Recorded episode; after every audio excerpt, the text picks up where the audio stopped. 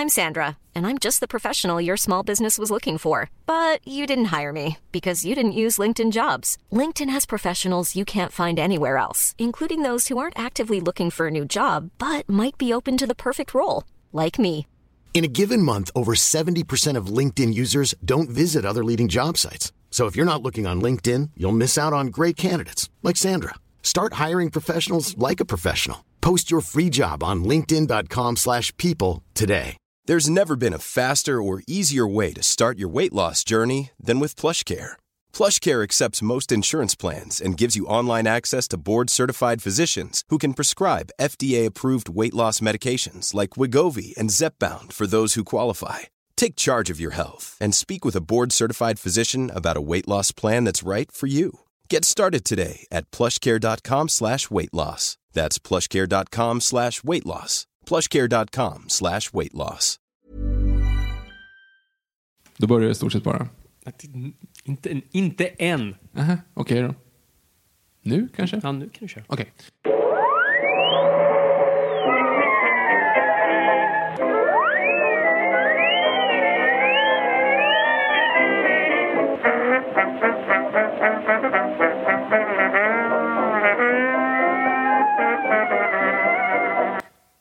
Då börjar det stort sett bara. Hej och välkomna till Nörden och jag, jag som är nörden Fabian Nordlander. Och det är jag som är Viktor Engberg. Det här är podcasten i samarbete med Acast där vi pratar nördämnen, nördkultur i slags bildande syfte. Jag försöker bilda Viktor i saker han tycker om men inte vet så mycket om. Men vad har vi för val... Nej, eh, val... val fläsk, val... val eh, eh, sto, stort marint däggdjur inkommande. Val. ja, jag, jag har inget, det öppet mål att skämta om, om ordet val. Eh, men idag är det val. Eller, eller finns det någonting annat än val? Val och bla, val? Ja, du får ju välja någonting också. Alltså, du har ett val. Ja. Mm, fast det är egentligen det som val syftar på. Ja, ja, det är det det faktiskt betyder. Jag tänkte om du kunde anspela någonting mer än blå val, knölval. Mm, nej. Nej. Och det är inte så mycket du kan göra med, med, en, med en valfisk heller. Nej. Halvsnygg val är ju delfin. Har du kommit på den själv? Den är lite kul. Den var faktiskt lite av mina fiskskämt. Ja. Den var rätt... Fan, ja, okej, men den... File that one. Ja, ja, ja, det är ju dock inte sant eftersom delfin är ju ingen fisk så det stämmer inte in på mina fiskskämt. Liksom. Eh, Nu köper ju inte barn böcker längre, men kommer du på vår tid, då, då släpptes ju de här Bellman-böckerna. mm. Eh, har inte Johan Wanner varit involverad i Jo, jag tror att det kanske. Hej Johan. Jag vet att du inte lyssnar, men vi älskar dig ändå. Ehm, men då var ju det en hyfsat pop. Jag vet att så här, vissa kids i klassen som var de lite coolare, De som heter Max åkte skateboard. nej, inte så cool. Ja, Okej. Eh, de läste ju inte ens. Nej, just det. Ehm, men de som var lite, så här, lite fyndigare kidsen, de som hade glas, glasögon, barn med glasögon. De var de halvcoola alltså. Nej, okej, nej, de var inte så coola alls. De var väldigt smarta dock. Men de, de läste ju bland de här... Gud. Fabian är alltså uppfödd på en 90-talsfilm, bara så du vet. Ja, Men de läste ju de här Bellman-böckerna. Men jag tänkte bara så här, nu, nu läser ju inte barn böcker längre, utan de, de- är uppe i, i molnen och eh, kör Fortnite medan de dabbar.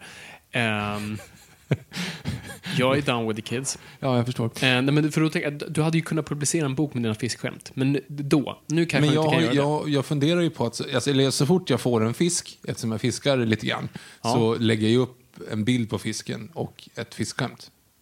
Eh, ja, på social media. Precis. Det gör det. Jag, Ja, men jag har gjort jag, jag har ju precis skaffat Instagram. Så Ja, det, var, jag jag tänkte, det var liksom... ja, det var eh, en snygg, ja. eh, snygg ingång där. Precis. Ja, precis. Jag har skaffat Instagram, folk. Jag, jag, har, jag har joinat de coola kidsen. Nu kan jag äntligen åka, skateboard, heja på AIK och heta Max. Eller Robin. Eller Robin. Ehm, jag har skaffat Instagram, så att jag finns där. Det är bara att söka på mig. Fabian heter jag, Nordlander. Eller hashtag NOJPOD, hashtag Noipod. På Precis. Mm. tal om hashtag Noipod, vad händer om några veckor Fabian? Det är väl Comic Con? Oh, Hej ja. framtiden. Eh, yes, och eh, vi har sagt det i, i, på flera tillfällen, lite livestreams och sådär. Vi kör lite livestreams ibland på Instagram det- faktiskt. Det kan vi också göra en plugg för. Håll utkik där om ni inte följer oss där redan. Men vi har sagt det där, och jag tror vi har sagt i slutet av varje avsnitt, vilket är dumt för ingen lyssnar på slutet av våra avsnitt, att eh, hur vi tänker göra med Comic Con. Just det. Och så här. Det blir ingen liveshow i år. Vi kan inte toppa förra året. Vi hade djur som hoppade genom brinnande ringar. Yes. Går inte att toppa, så varför ens försöka? Men vi tänker vara där. Eh, för, för det finns ändå de som, som, som vill att vi ska vara där. Och det, jag vill vara där. Ja, det, det är enkelt att skylla på andra när man egentligen bara... Jag vill vara där. Så vi har sagt att ja, men vi är där på lördagen, som jag tror är den 15. Mm. 14 och 16. Så, att vi, så vi är där den 15. Och så kommer vi väl hänga någonstans, säkert vid ett fikabord. Och så får folk komma förbi och säga tjolahopp, tjolahejsan och ge en high five och sånt. Precis, klaga på det här avsnittet. Dessutom. Ja, men det här avsnittet ska de inte klaga på. Det, Nej, om okej, det är någonting de ska klaga på så var det förra. Nu är vi tillbaka. We, Ja, du menar så, ja, okej. Back in form. Ja, menar Back så. in the game. Jag tänker mest bara för att vi har ju vi bara pratat om val, men vi har egentligen inte sagt vad vi ska prata om. Om man inte kan härleda det utifrån namnet vi har döpt avsnittet till, eller just att det är det som händer just nu, Hej framtiden. Hej framtiden. Men Fabian, vad är det vi ska prata om idag? Vi ska prata om, ja så här, för det är ju, det är ju val nu. det. Eller det är valperiod, så det är val om, så för, från att det här avsnittet släpps är det typ en vecka kvar. Mhm. Eh, hej framtiden. framtiden, ni vet vad som hände. Ehm, är världen kvar? Så, vi, och vi, det här är typ en av våra mest efterfrågade ämnena som inte är en regissör, och det är politiska thrillers. Precis. Och det tycker jag är väldigt fascinerande. För att ehm, det finns ju många genrer inom så här, politik, det finns dokumentärer, eller så här, politisk satir eller politik. Men varför just politisk thriller? Och det är det som jag gick igång på när vi skulle göra det här avsnittet. Just så här, politisk thriller. Och, och varför just det? Jo, därför det är den perfekta mixen av medier, ideologi och story och tanke. För att jag hatar Oj. Du tycker mindre jag tycker om... Mm. mindre om när folk ska banka in ens ideologi ens huvud, oavsett om jag håller med eller inte. Alltså kolla på någon till exempel som Michael Moore. Värdelös filmskapare. Främst för att han, och det här är nyckeln till det här, ser ner på sin publik. Han talar alltid ner till en. Han är alltid den som kan bäst och vet mest och jag vet det här, allt det här och formar sitt narrativ ut efter det och sen tittar ner på dig. Och, eh, så det är ett exempel, det är ju, det han gör ju dokumentärer som sagt, men det, det är ett exempel på sån här ja, politisk film jag hatar. Jag gillar inte att bli, och ä- även Aaron Sorkin som jag älskar som manusfattare, men han är som värst att tala ner till sin publik. Eh, om man kollar på Newsroom och, och ja, lite, lite och när han är som bäst i Social Network och eh, Jobs. Men annars har han en tendens att titta ner på sin publik, att han vet bäst. Men, och det är det jag tycker är så bra med politiska thrillers, för det, det är oftast det perfekta mediet för att utforska, kan man mixa idé och plott? För thriller är ju plottaspekten i det, så du har ju politisk, vilket är idéer och tankar och ideologi, och sen har du thrilleraspekten, och det är då storyn. Och hur mixar man de här två för att få dem att samarbeta helt enkelt? Det är det jag tycker är fascinerande, för en bra politisk thriller lyckas både förmedla någonting, men på ett snyggt sätt samtidigt som den ger oss en bra story. Och ibland är det väldigt mycket thriller och väldigt lite politik och ibland är det väldigt mycket politik och väldigt lite thriller. Och vi, vi, vi ska utforska några här. Så Viktor, innan vi sätter igång så i vanlig tradition ska jag fråga dig, vad tänker du rösta på? Jag tror du tänkte fråga vad min relation är till politiska thrillers. Ja, det, det, det är svårt. Nej, jag tänker inte fråga dig vad du faktiskt tänker rösta på. Det, det, det, det här är inte, nummer ett, det här är inte en politisk podcast. Vi tänker inte prata om politik i den här podden, utan vi tänker prata om film och hur politik förmedlas. Men vi tänker inte prata om politik överlag. Så, Så nej. den som vill veta det får det. Eh, direct message helt enkelt. Ja, precis. Fråga oss direkt. Nej, men v- vad... När vi skulle göra det här avsnittet så kollade vi in på en film som vi kommer komma in på sen. Eh, och du sa under den filmen, ah, det här är en politisk thriller. ja, just det. och, och så, då är min fråga, vad var din bild av politisk thriller? Och, och medan du tittade på saker för det här avsnittet, vad var din insikt vad en politisk thriller är? Och vad är din relation till det innan versus nu? Bättre fråga än vad jag hade förväntat mig. Okej. jag säga. Nej, nej så här, jag, jag, jag vet, alltså ärligt talat, jag vet inte. Jag försökte nu kolla på de här, vi, vi trattade ju ner till några filmer vi kanske borde se för att eh, ha en politisk thriller-diskussion, för annars går det inte. Liksom. Och jag vet inte riktigt, vad, vad är en politisk thriller? Det, det, ja, det är lite spännande att involvera politiker. Det är typ det jag måste ha som har. Det är liksom, hmm, ehm, Uh, All the President's Men. Ja, kanske politisk thriller. Det händer rätt mycket. Det är liksom ett mysterium. Sådär. Beck, Spår i mörker, not so much. Alltså, det är ungefär där spektrumet är. Mm, Okej, så det, det, okay, så det är var, var deras sida av spektrumet. Mm. Spår i mörkret och All the President's Men. Ja, Okej, fine. Jag vet inte, har någon Beck-film involverat politiker? Ja, men Spår i mörkret är ju lite så i och med att det, det är är ju väl så här, de, TV-spel? de tar ju inte hand om ungdomarna. Jaha. Så de går omkring i tunnelbanan och tror ro- att de spelar tv-spel och dödar folk. Men det känns som en typisk så här 90-talsrädsla snarare än ett problem. Ja, det var ju videovåld och, och Ja, exakt. Det var väl inget problem då med barn i tunnelbanan? Jag vet inte. Men det var ju det är ungefär som din inledning här. De, de dabbar och spelar Fortnite. Det var ju samma sak Ja. där. De, de, de spelar Mortal Kombat, nu kommer de gå omkring och mörda folk på öppen gata. Och vilket det typ den filmen handlar om. Ja, just det. Förut som slutar med att Gunvald typ adopterar ett barn som sen är borta i nästa film. Underbart. Jag, eh, vi, vi kommer göra ett Beck-avsnitt, helt klart. Men jag, det, jag älskar såna grejer. Det är som Bond-aspekten. Du, du bara nollställer kanon nästan direkt i filmen efteråt. Eller som Scrubs Ja, Scrub. Men det är ju klassiska eh, The Illusion of... eh, vad kallar man det? Development. Ja, precis. Det finns ett annat ord för det, men det är typ det. För det, det är ju lite roligt med till exempel Simpsons. För de hamnar ju, det, är, det blir ju status quo. Varje avsnitt slutar med att det blir likadant igen. Ja, det är som att universum har Ja. nollställts. För att Ja. det, ingen blir äldre och... Nej, men jag menar inte så, utan de också, de måste lösa det. Alltså Scrubs hade åtminstone så här, I've learned something today. Ja. Men Simpsons är verkligen så här, oh, katten dör, okej, ny katt. Så här, nej, men vi, vi, vi avslutar sista meningen med så här, nej, men det är väl bara krångligt att hålla på och komma ihåg. Vi döper inte samma som Ja, den hette förut. Alltså vet, så är det bara samma grej. Liksom. Ja, det är den enda utvecklingen som finns. Förutom två karaktärer. Bleeding Gums Murphy och han Marvin, tror jag. Ja, just det. Doktorn. Och sen har ju, och, sen till skillnad då South Park som faktiskt har typ lite av en följetong. För de började gå upp i klasser och sånt där, men det gör de Nej, inte sen längre. slutade de. Och så är det den här gången när Cartman ska utrota alla judar för att han har sett Passion of the Christ. Eh, och Det var då, den läxan han tog av den. Jo, men och då, det, det är ju det, han säger Passion of Christ och så inser att jaha, det handlar om att judarna är den ondaste i världen. Liksom. Och då hela skämtet är ju då att han mer eller mindre, han blir ju Hitler. Liksom, Ja. För att han tror att Mel Gibson, han avgudar Mel Gibson så mycket att han blir Hitler. och sen i nästa avsnitt så är allting tillbaka. Och då så säger han bara liksom så här, eh, ja, mamma jag går ut nu. Och hon bara, va? Nej, du får inte, du är ju, du, you're grounded. Bara, Why? You try to exterminate the Jews, Cartman. så att då har ju faktiskt, då hänger du med. Ja, just det. Precis. Men tillbaka till det, Victor. Okej, så du, du hade inte riktigt en bild av politiska thrillers innan? Nej, alltså, jag, reflekterat jag, säga, jag hade bara tänkt att ja, men då, då är det lite politiker och det är lite spännande. Alltså, mm, jag, jag hade ingen, nej, jag visste inte vad jag, hade förväntat, vad jag skulle förvänta mig. Mm. Nej, men jag har inte heller riktigt haft en bild. Alltså det är ju lite så här, nu har jag inget bra exempel på det, men jo, men man brukar säga, åh, vem var det som sa det?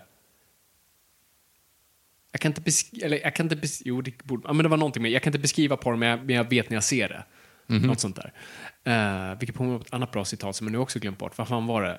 Eh, Det här är bra poddmaterial. Ja, det här är jättebra. Det var, åh, vem fan var, åh, jag glömde bort, okej, förlåt att jag inte vet vem som sa det här, men det är, jag tror det är från en film, eller en dokumentär, någon som sa, ehm, okej, det här är barnlista på det. Nej, vi glömmer, det var en porrgrej. Vi tar vi tar en hook me up on Twitter, Direct message på Twitter.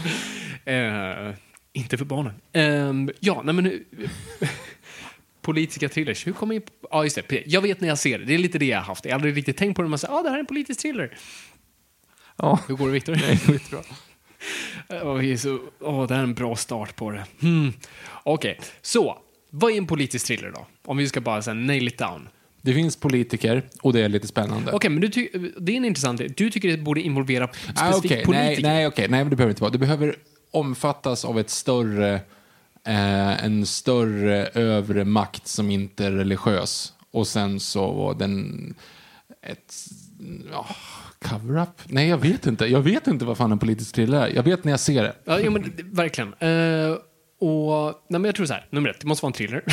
Bra. eh, nummer två, men, Men sen, vadå, vad fan är en thriller? Ja, är exakt, vad Wallander är en thriller? Ja, ja, just det. Precis. Wallander Mastermind. Decka- Deckare. Ja. Deckare är väl det. Vad är skillnaden mellan deckare och thriller? De springer mer. Prisoners en thriller. Mm, det kan... Eller vänta. Ja, det är en thriller. Men det är det. det Vad är skillnaden med- Jag vet när jag ser det. det är som porr. Um, don't quote me on that. Ehm, hur som helst. Nej, men så, så, så var en thriller, vi vet när vi ser det. Och vad är det politiska? Jo, men oftast måste en politisk thriller ha sin finger på pulsen, definitivt. Det måste ju vara något som är relevant under den tiden filmen kommer i alla fall. Eller i alla fall pro- porträttera en tid då någonting var aktuellt som även är aktuellt idag. Eh, det behöver inte involvera politiker, tycker jag, utan det kan involvera av, i alla fall en högre makt. Då pratar inte om Gud. Nej. Så Passion of the Christ är inte en politisk thriller. Aha. Eller för sig, inte. Det, Det är ju inte Gud- politiker i den. Pontius Pilatus. Ja, Pontus. Vem vet? Ja, vad heter han? kanske det är. Pontius. Ja, vet inte Pontus. Ja, men vi löser det här. Den här Pontius podden är över. Pilatus. Pontius... Pinad Biggest under Stickus? Pontius- Pinad under Pontius Pilatus, död och begraven, på den tredje dagen uppstånden igen från Vad de döda. vad heter hans syster? Fathers.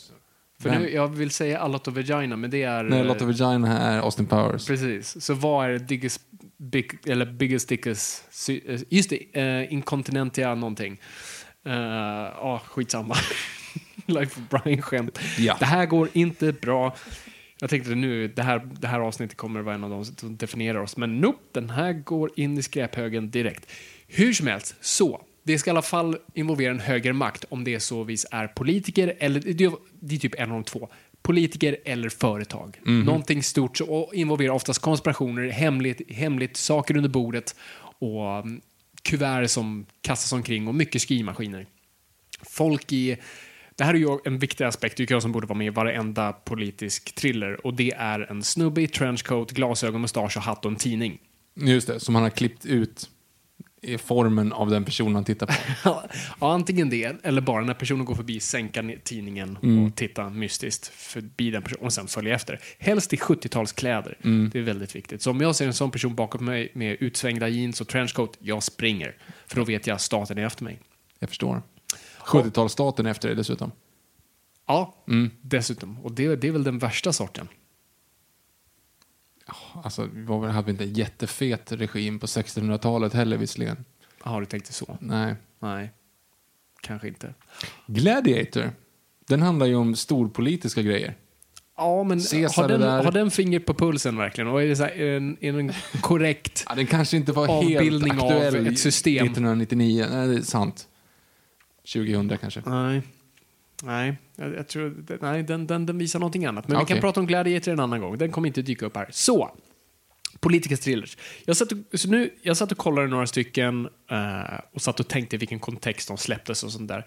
Och det, det jag kom överfund med, och, och det finns tusentals filmer och jag kan inte se alla, men jag försökte se liksom, milstolparna någonstans. Och det roliga var att innan 60-talet så görs det inte så mycket direkta politiska thrillers. Efter 60-talet, då smäller det kring Nixon på 70-talet. Du har lite på 60-talet, men det smäller på 70-talet med Nixon. Och sen är det mycket kring det, avlyssning och sånt där och, li och lite läbbiga så här, konspirationstrillers, att staten är läbbig och sånt där. Och sen, sen går det lite ner igen och det finns inte så mycket att gräva i. Och sen, eh, samma sak händer efter 2001, så exploderar det av politiska thrillers. Det, och det är det som är så roligt, att det känns som det är de två tidsperioderna specifikt som utlöser de här perioderna. Och det tycker jag är spännande. För, för jag satt och kollade nu på, för vi har pratat om film noir. Och jag tänkte att det måste ju finnas så här politiska thrillers som är film noir. Och absolut, gör, gör det. Och, och, men det roliga är att det är fler filmer, för det, det är så här. Om man kollar på studiofilmer liksom på, under 1900-talet och framåt Ehm, så är ju studiorna inte särskilt pigga på att exkludera folk eller ha, röra heta potatisar och bara deala med saker. Så att det görs inte politiska filmer för att studiorna vill inte göra dem. Så vad är det då filmskapare gör? Jo, man skapar subgenres för att utforska och där har vi sci-fi och där har vi skräck. Så där uttrycks politik i filmmediet mera och i sällan i thrillerformat. Och även när det kommer till film noir, alltså allting var ju så eh, mycket på grund av the Hays Code och allt sånt där och mycket kommunismrädsla. Ingen ville uttrycka sig om någonting så att allting var så pass subtilt så att du, det var sällan du bar ditt budskap på skjortärmen. Jag tror inte man säger det så på Nej, svenska. jag, skulle säga- och jag tänkte Men- så här, jag fick det- bara en brunskjort eh, bild i mitt huvud. Men det, jag rakt översatt så blir det med andra ord så här, hur kommenterar du att consumerism, jo du gör en zombiefilm. Ja, jo, men nej. Ja. precis. Och, och samma sak, hur pratar man om rasism? Ja, också via zombies. Eh, och hur pratar man om kommunismrädslan? Jo, men vi gör en sci-fi på det. Så att vi är lite sådär, vi rör De kommer det. inte från Ryssland, de kommer från rymden. Precis. Ehm, så det är det man mest gör. Och, så en av de tidiga jag kan, som jag tittade på nu, som, som jag tycker är en av de här, alltså det kanske är startskottet för den moderna eh, politiska thrillern, det är ju Manchurian Candidate från 62 med Frank Sinatra i huvudrollen. Som även gjordes en remake på eh, 04 med Denzel Washington och Liv Schreiber. Eh, Och Meryl Streep. och Meryl Streep. Och Vera Farmiga. Och John Voight, jävlar vad tung den var i... eh, Mhm. Och Anthony Mackie i typ det första jag sett honom i. Ja, precis. En av tidigare rullar. Och eh, Manchurian Candidate i båda fallen hand- handlar i stort sett om hjärntvättning. Soldater som har varit i krig, eller i alla fall tror sig ha varit i krig, eh, kommer tillbaka hem. Det visar sig att någon högre makt har hjärntvättat dem till att tro att de har gjort saker de inte har gjort och sen får de att göra saker de inte vet att de gör. Ehm, och 1962 så filtreras det via då Sovjeträdslan såklart. Och här är en tidig film som ändå vågar deala med det och det var en väldigt het potatis. Det var ingenting man ville prata om. Den här filmen hade svårt att sälja, så svårt att komma ut och var absolut förbjuden i stora delar av Europa då den kom. Och det är alltså då, så vi har några soldater som kommer hem från Koreakriget eh, och alla soldater delar samma mardrömmar. Eh, och jag vill inte gå in för mycket på det, men de, de delar samma mardrömmar och de har lite samma termer i, i, i sina huvuden. Och ja, det visar sig att inte bara Ryssland, men hela, alltså i stort sett hela kommunism eh, Axis of Evil, alltså Kina och alltså Manch, eh, vad säger Mancheriet? Manchuriet? Manchuriet är ju en region precis på gränsen mellan Ryssland och eh, Kina. Så att eh, då ansågs väl det vara den mest ondskefulla platsen i världen. Så det är där man tänkte att där grundar sig all ondska. Och de har ju då kidnappat soldater och, och hjärntvättat dem till att göra saker som de vill. Och det var ju en stor rädsla på, alltså det, det var ju en stor rädsla på 60-talet. Det var ju någonting också som har kommit fram på senare tid att, CIA försökte utforska, alltså med hur vi kan hjärntvätta och kontrollera soldater. Och det är där bland annat LSD kommer fram och mycket av drogerna på 60-talet, så det backfirade ganska hårt och det är ganska kul att kolla dokumentärer om det, hur där det finns liksom bilder på soldaterna som var L- L- LSD. Och det ser väldigt roligt ut. Um, så det här var ju något som absolut te- testades av båda sidor av blocken och det var ju en stor rädsla. att Tänk om vi har en sleeper agent här som inte vet att den är en sleeper agent som kan aktiveras när som helst. Och så är det ju i Manchurian Candidate. Då har vi ju en karaktär som varje gång han hör ordet solitär, alltså inte Bond-tjejen utan då kortspelet, så börjar han ta fram ett kortspel och lägga solitär patiens. Eh, och varje gång han ser nu ska vi säga, ruter i Diamond, eller hur? Mm. ruter dam, så aktiveras han och då kan han styras och göra som den som nu vill styra honom vill. Ehm, och det var ju en stor rädsla. Och det är ju också det var en av, teori, en av konspirationsteorierna kring, kring Ted Kennedy-mordet. Att eh, för den här personen som utförde det mordet påstås ju efteråt att han inte han kommer inte ihåg någonting. någonting och han var ju en nobody och allt sånt där. Och eh, när man kollar på bilder så finns det en kvinna i en väldigt speciell utmärkande klänning om att, att det var utlösaren till att han, ja. Så det finns intressanta grejer om det. Så det är lite de rädslorna man, man utforskar i den. Och jag måste säga att den från 62, jag rekommenderar folk att titta på den om ni inte har gjort det. Eh, otro, alltså, 1962, jag var otroligt chockad över hur grov den var. Den är pissmörk. Och jag hade inte varit förvånad om det var en så här film noir gjort så här på natten i en Universal-film som ingen brydde sig om. Men det här är MGM med Frank Sinatra i huvudrollen. Hade jättehög budget på tre, nej, jo, tre miljoner.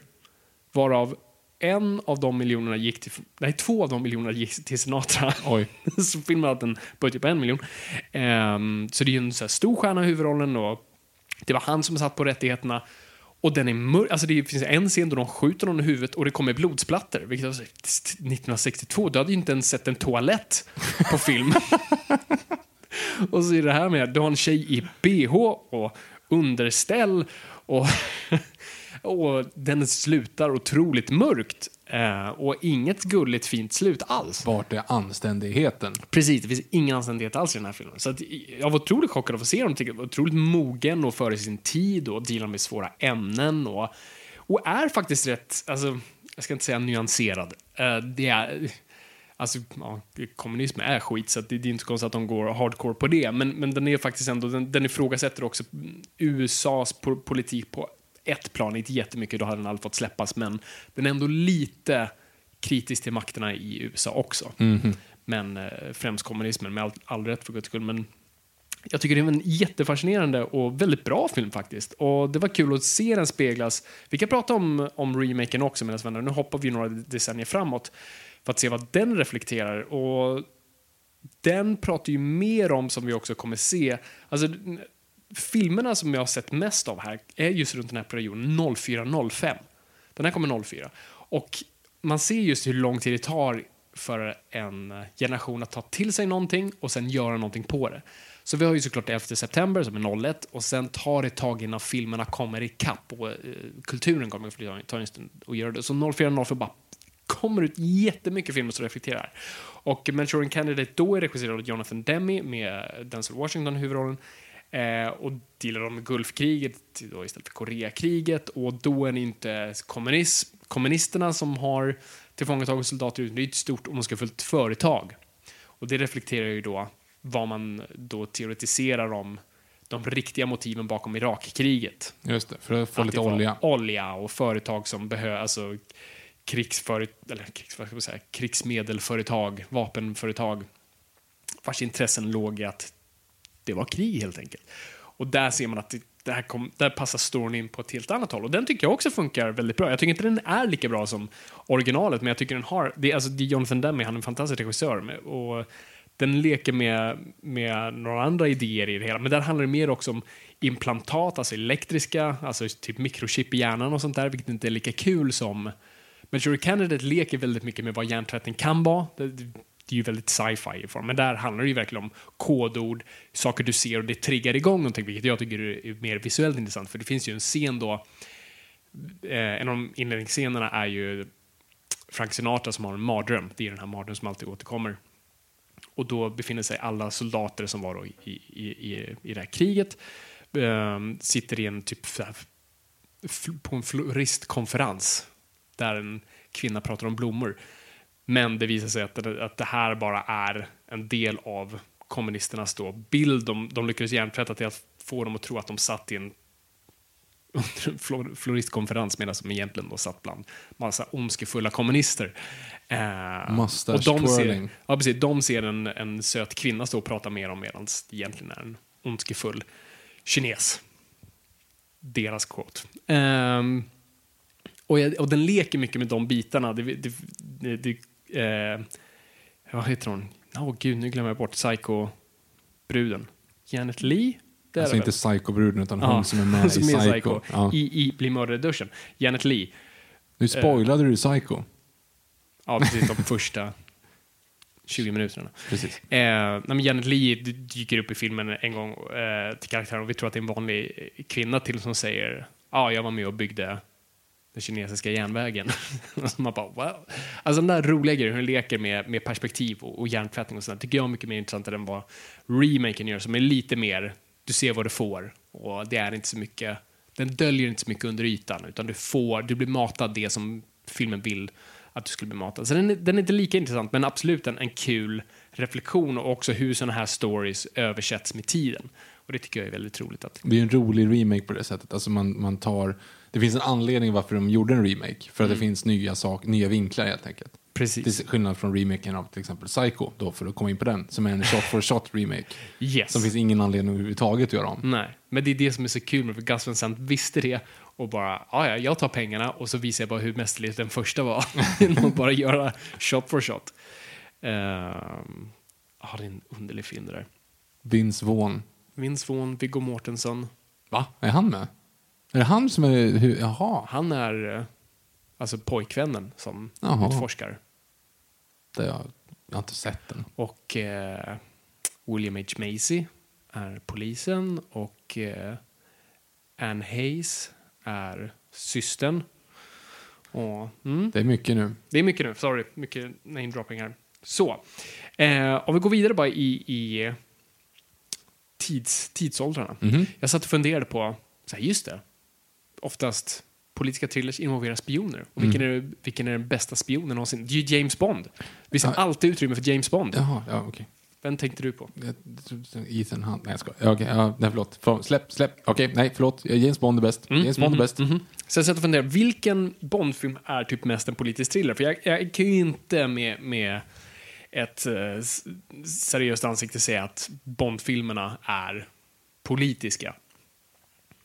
Die Another Day tycker jag ändå. Alltså, det, det har ju Nordkorea och du har ju diamanter. Och, Ja. Bondfilmerna har alltid haft sin hand, sin hand, liksom sitt finger på pulsen.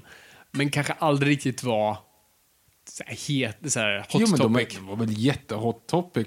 Timothy Dalton blir nästan strup, eh, strypen av en sån här uh, walkie-to-walkman. Ja, just det. Det är ju jätte... En snubbe med en boombox. Ja, Mm. nej, verkligen. Bortsett från det, så filmerna är ju oftast ganska opolitiska och, och det, det var ju av design. För till exempel då, i de tidiga filmerna så är ju huvudskurken Spectre. Eh, och i böckerna är Spectre med, men kommer in mycket senare. Och i, i böckerna så är det ju... Schmerch. Ta, fan, bra Viktor! Wow, var kom den ifrån? Shit, bra. Du, fan, du snappar upp lite. Ja, ibland så. Bra. Nej, men Smerch, som är då specifikt en sovjetisk organisation. Men det valde man att ta bort för filmen och använde sig av Spectre istället för det är mycket roligare med någonting bara generellt som gillar terrorism, terrorism, eh, extortion. Fast Eh, nu gör det Max von Sydow. jag vet, han säger det så bra. Special Executive... Okej, nu ska vi göra det. Special Executive... Vänta. Fan, Vänta. Respect. Jag är dyslektiker. Respect. Vad står R för? Revenge. Just det. Ja. Så Special Executive for... Vänta. Revenge. Anti... Nej, Revenge Terrorist. Ja, det, ja, precis. Det är ju det. Terrorism, terrorism, revenge, revenge, and extortion. Ja. Jag tänkte att det var någon sån här anti... Ja, fan. Skitsamma. Ja, vad fan är... Och fråga mig inte vad Smerch står för. Någonting med kommunism ja, men, och Sovjet. Ja, Sovjetiska någonting. ja säkert. Eh, jo, jo, nej, vet du var det kommer ifrån? Det Smerch är, är egentligen byggt på någonting ryskt som heter Death to Agents, har jag för mig. Så, det, så är det i böckerna, för att det får James Bond då ingraverat i sin hand i Casino Royale, så att han är märkt för livet då att han är spion. Ja. Men i boken efter så har de typ plastikopererat hans hand, så att det är okej. He got better. Mm. Men okej, men den mest, ehm, den mest politiska eh, Bond-filmen, Man with a golden gun. Och, He's got a powerful weapon. he charges a million a shot. After second to none, man with a golden gun. Det, det, alltså du har läst hela, eller du, du vet hela storyn av att bara lyssna på introlåten. Mm. Ja, men där har du allt. H- Helt klart. Nej, nej så den, den, som, den, den jag tänkte på, och det är ju faktiskt året efter Manchurian Candidate, vilket är 1963, och det är den andra Bond-filmen, och det är från Russia with Love. Som ändå typ tillkännager spänningar mellan Sovjet och USA. I Alla har ju det med sig såklart, men den här utnyttjar det. Men såklart är skurken inte direkt ryssen, utan det är fortfarande Spectre som vill ägga båda sidorna genom att lura både Sovjet och väst eh, genom då den här eh, vad kallar de den? Den här lilla mackapären som alla vill åt och spelar då väst mot öst mot varandra. Så det är ändå film... Som samma plott som åtta, nio andra Bond-filmer också har.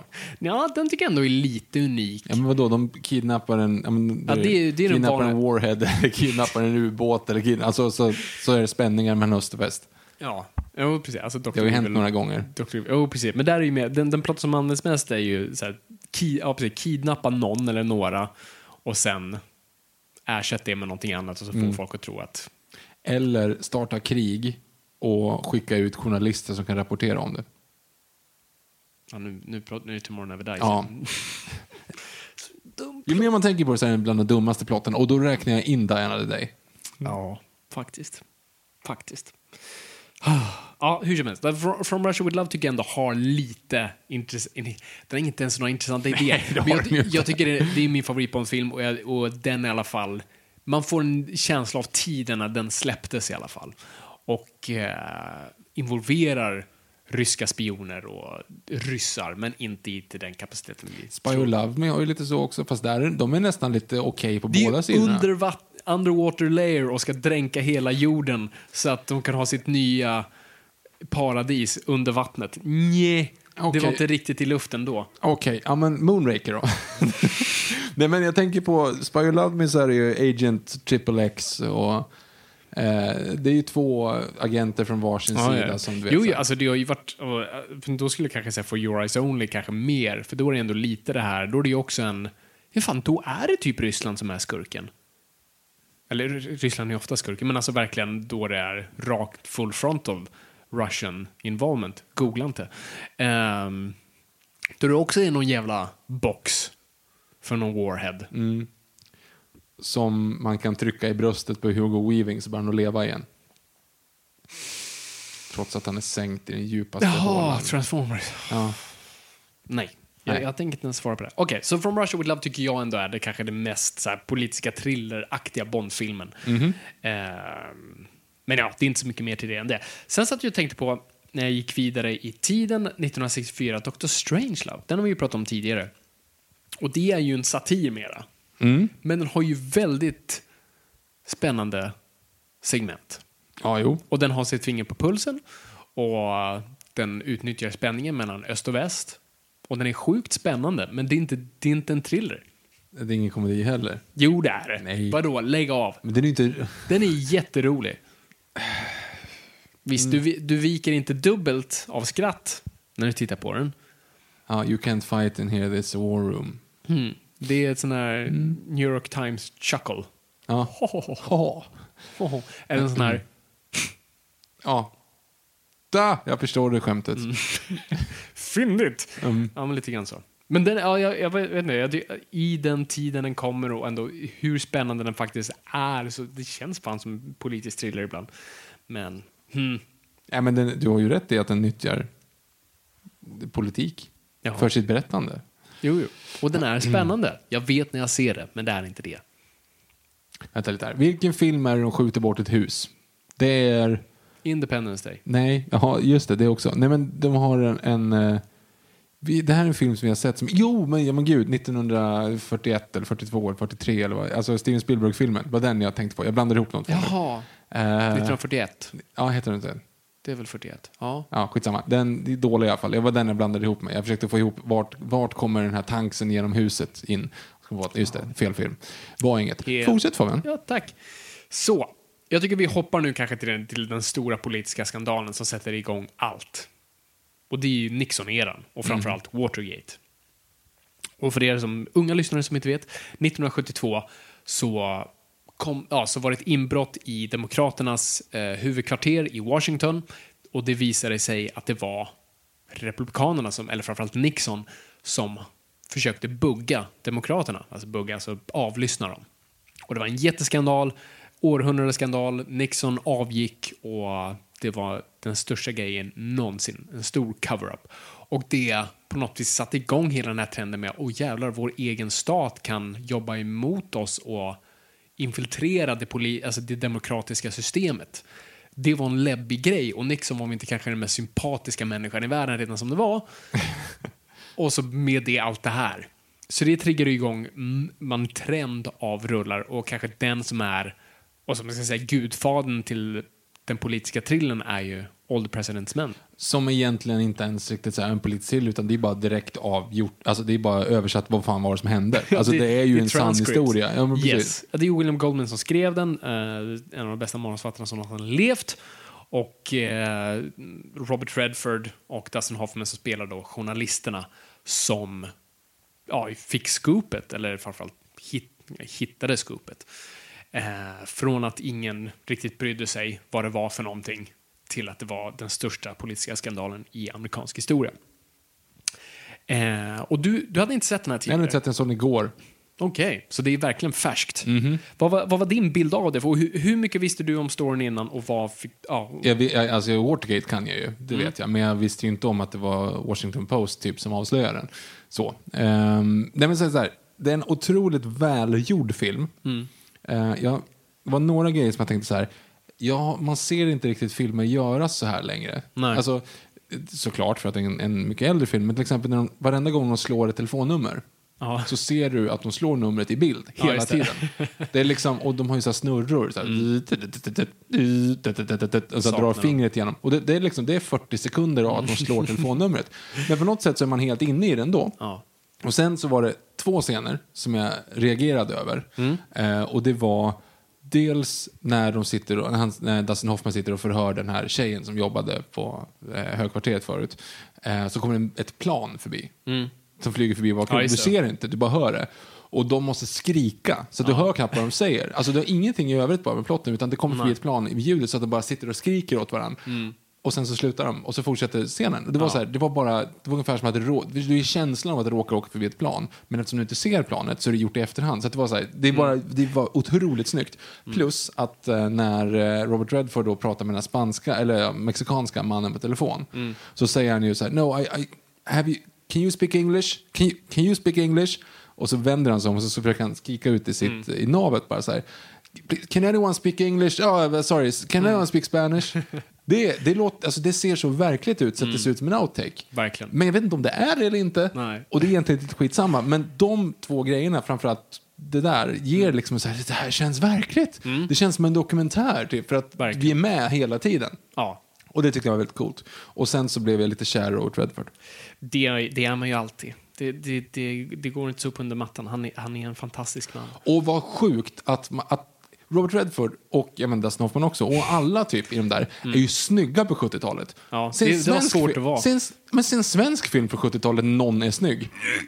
Alltså, Ursäkta. Men alltså, vi, de har, Robert Red, kolla på bilden på Robert Redford från, eh, från All President's Men. Så jämför du med liksom, Sven Wollters Nalle Puh-kostym i, eh, i Mannen på taket. Alltså det är liksom, nej men, nej men jag förstår inte, varför, varför såg det så förjävligt ut på svensk film på 70-talet? Och varför ser det så fantastiskt ut där? Så mycket brunt och grått och gult. Jag, men, jag tror att det var de, de, de dassiga tapeterna. Åh, fan. Alltså till och med kostymerna. Okej, du ser att utsvängda byx, de har utsvängda Ja, det- byxor. Men i övrigt så ser, det, så ser de ju liksom, det är bra kostymer. Ja, ja, nej, absolut. Absolut. Kollar man inte på fötterna bara. Definitivt. Nej. Nej, men jag, jag, ty, jag, jag tycker också, det, alltså, det är en mästerlig film just på, på manuset. För den ska inte funka på papper när man bara, bara tänker på det. Så, ja, men vi tänker bara så här, det är en jättedialog, tung film om två personer som researchar, läser massa papper och frågar och pratar på telefon väldigt mycket.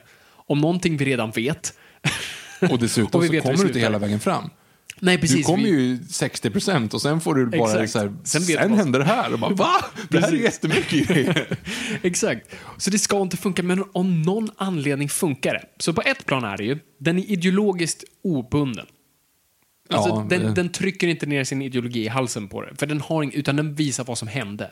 Mm. Det, en sån här film hade väldigt typiskt blivit så brandtal för fri press och hur pressen är, vilket det är, men alltså, du vet, det hade blivit eh, smoltsy smoltsy, smörigt smörigt och vi kan åka skidor i det. Do you hear the people Ja. sing? Ja, det var sista Jo, men lite som man ser idag, alltså, om man kollar på den amerikanska pressen just nu under Trump, gillar ju väldigt mycket, och det är ju för att han är väldigt kritisk mot dem och sådär, men man ser dem väldigt fly, alltså slå varandra på bröstet då. Jag tror, är det Washington Post eller vilken det är som har på sin, alltså, om man går in på deras hemsida så, eh, Democracy dies in darkness står det. Alltså, de verkligen trycker på sig själva som de här, vi är frihetens fanbärare och, och, och, och sånt där. Vilket inte är fel så, men man, man står verkligen och skyltar med det här på ett sätt. Och eh, jag tror vi kommer se filmer som reflekterar väldigt mycket pressen är, den här fina grejen. Ja, men här är det kom ju direkt en film som reflekterade, förvisso inte kanske under Trump-eran. Du menar The Post, eller? Nej, Ruffalo tänkte jag på.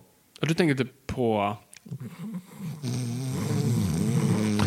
Men gud, präster. Ja, präster, barn, inte en bra mix. Eh, Jag kommer, jag kommer inte ihåg vad filmen heter. Men gud, de vann massa Oscars. ja, den vann Skitsamma. bästa film-Oscarn Ja, men- för ett år sedan.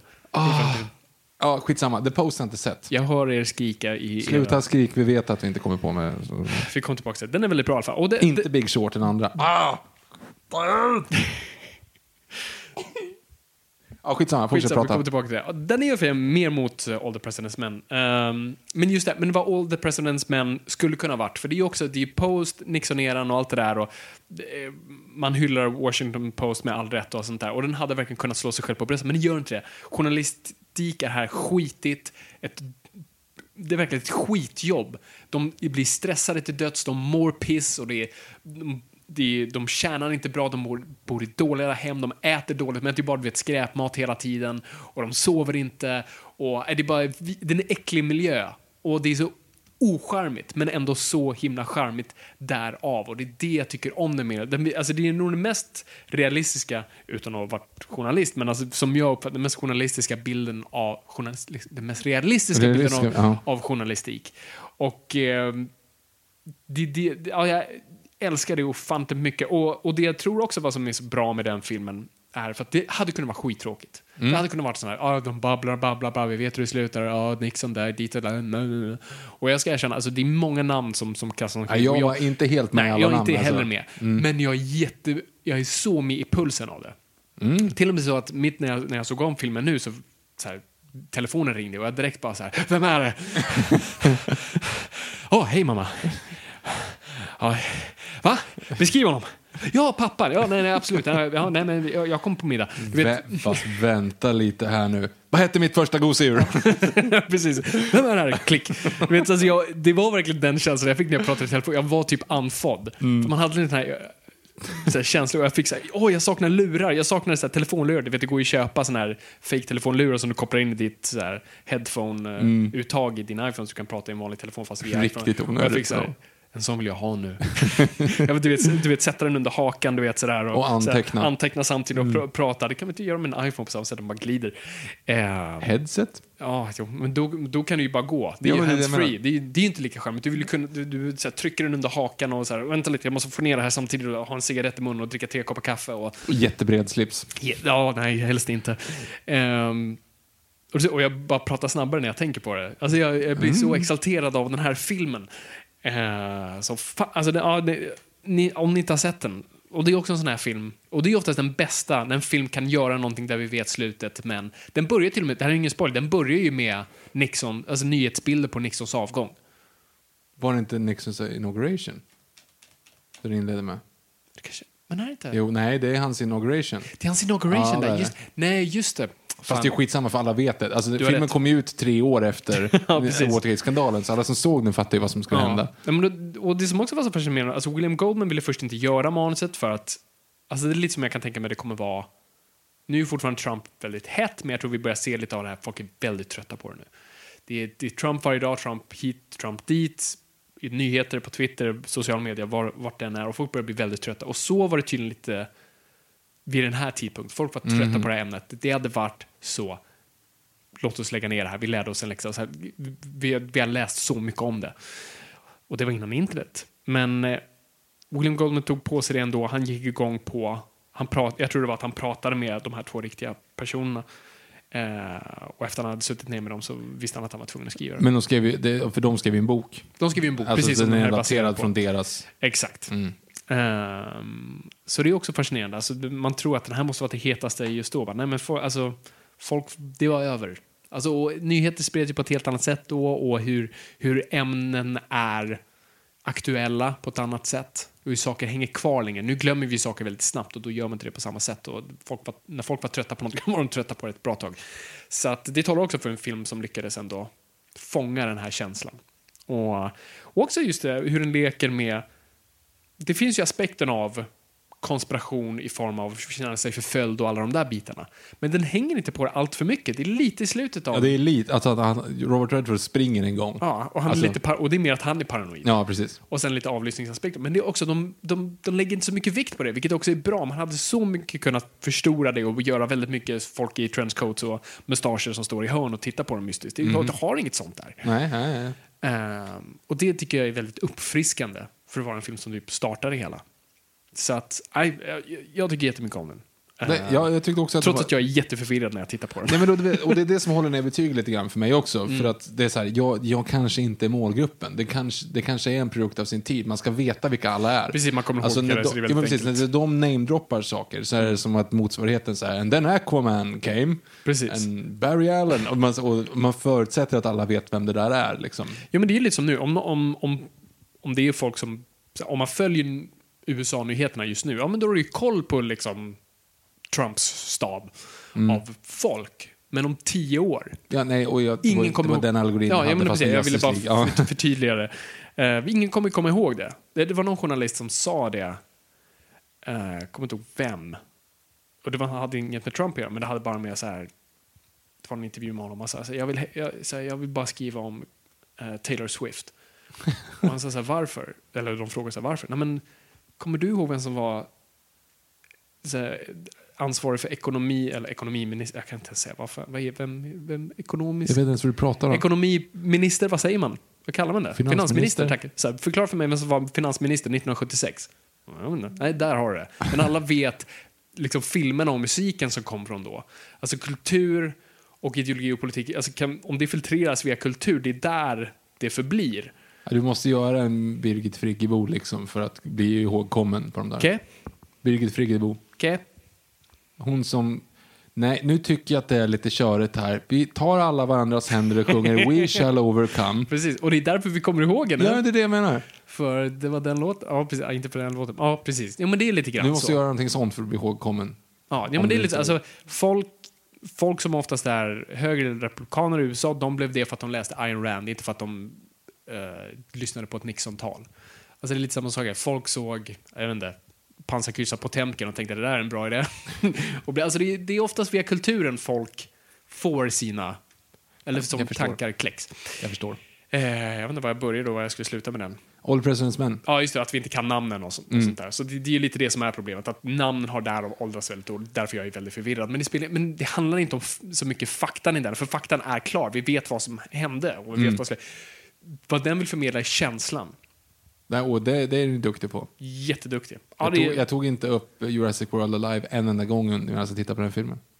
oj, ja, det är bra. Ja, det är stort. Det är stort. Det är stort. Bra jobbat. Mm. Ehm, ska, ska vi kolla på en liten um, brod... Svenska motsvarigheter. Nej, vi kan komma in på det, men jag tänkte bara, vi, vi kan ta det efter den här då. Eh, ja, men det gör vi, för den här är lite av en... Nile City-skämt. Men okej, Jaha, fortsätt. Ja. Det är lite om en eh, kan man säga, själslig broder till, till All the President's Men, för det, det är samma manusförfattare, de kommer samma år och har samma skådis i sig. Eh, Goldman skrev då samma år en adaption på hans egna bok Marathon Man. Mm. Med Dustin Hoffman i huvudrollen. Som också brukar, brukar dyka upp när man pratar politiska thrillers. Eh, kanske inte av samma anledningar. Och den såg vi tillsammans här bara Yes. för eh, någon vecka sedan. Jag insåg att det var den första filmen någonsin sett med Laurence Olivier. Ja, jag kan inte komma på någon annan du borde ha sett. Nej, jag tror inte jag har gjort Nej, det lär du inte ha gjort. Nej. Nej, ja, nej, kul. Mm, tack. Mm. Vad tyckte du? Eh, den var bra. Vi kan säga vad den handlar om först. Ja, tack. Eh, shit, vad fan handlar det om? Det finns, alltså under den här perioden, det som är ganska intressant i och med att man inte tänker på det längre, men det här, den utspelar sig under 70-talet och inspelad under 70-talet Yes. också.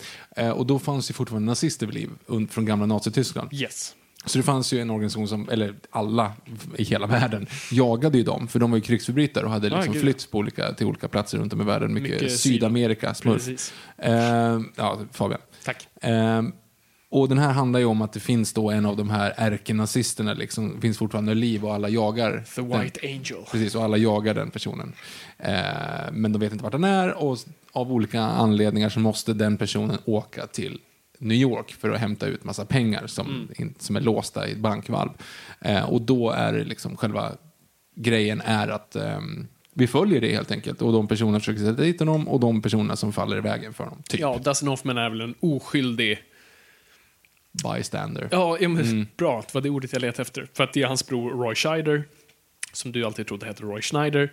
Jag trodde fortfarande att Rod Sn- Rod Snyder. Du har haft... Du, du sa, antingen i den här podden eller för ett litet tag sedan, jag trodde han hette Roy Schneider. Jag trodde fortfarande att han heter Rod Snyder. Alltså jag tänkte rätta dig nu precis att han heter... Jag, menar, alltså, jag, jag tror att det stämmer. Han heter Ron... Nej, men du har ju rätt. Roy Scheider. Ja, Roy Scheider. Jag tror han heter Schneider. Mm, det är många som tror. Wesley Snyder, gammal... One It Wonder inom fotbollen. Fortsätt. Okej. Ja, nej, men eh, då är ju Roy Scheider som spelar Dustin Hoffmans bror som är då... en- Rob Schneider heter ju för fan... Han har Animal. Rob Schneider. Rob precis. Schneider, ja precis. Roy Scheider. Gud. Ja, Det är lätt att nu, mixa ihop nu det. förstår jag varför jag blandade Ja. ihop det. Förlåt, fortsätt. Nej, det är ingen fara. Ja, men när man säger Scheider, det kän- känns som att man, man saknas en bokstav. Mm. Där, men han spelar ju Dustin Hoffmans bror och han är ju då en riktig agent som letar efter de här personerna. Ehm, men allting hamnar sen på stackars Dustin Hoffman som bara vill springa och plugga. Ehm, som hamnar i... Och hänga med sin citationstecken schweiziska flickvän. Precis. Eh, det finns en scen som jag tänkte på där också. Mm. Fighting-scenen på hotellrummet är ju jättegrov. Mm, sjukt grov. Alltså jag, jag tror inte jag sett, alltså på en sån här gammal film har inte jag sett så mycket blod någonsin. Nej, verkligen. Alltså, den scenen är modern på många sätt. Eh, visst, den är lite corny kan man väl tycka, så här som gamla fighting-scener är, men det, alltså, Judo shop. ja, precis, men den kompenserar i hur grov den är och hur alltså, köttig den är. Och du har ju just, alltså, först när du ser den här lönnmördaren i då, gardinerna som blåser honom, alltså, du vet, bara, en sån bild känns väldigt modern och sen Och det är Roy Scheider.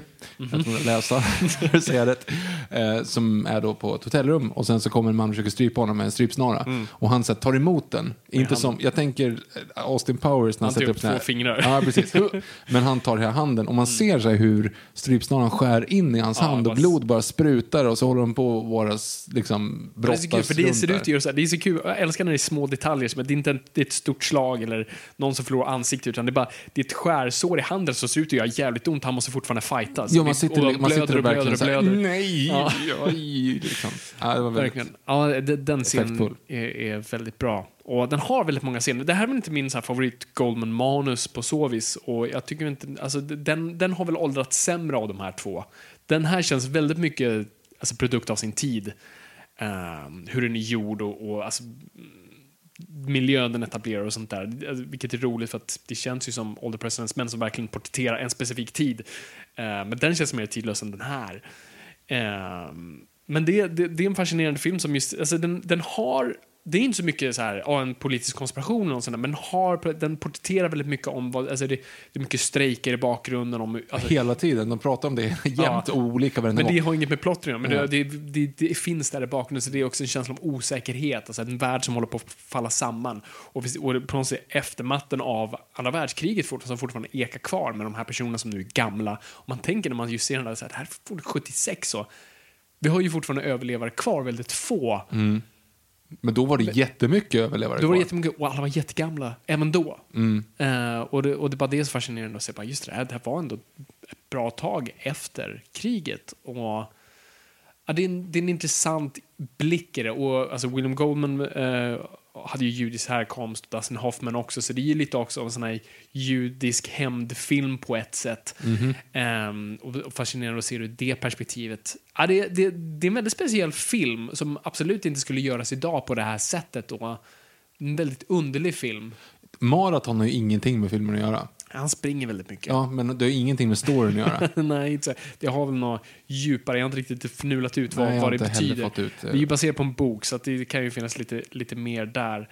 Eh, det jag rekommenderar alla alltid att läsa William Goldmans bok Adventures of the Screen Trade. Och då beskriver han, det finns en scen då i Marathon Man då Dustin Hoffman tror att han får inbrott i sin lägenhet.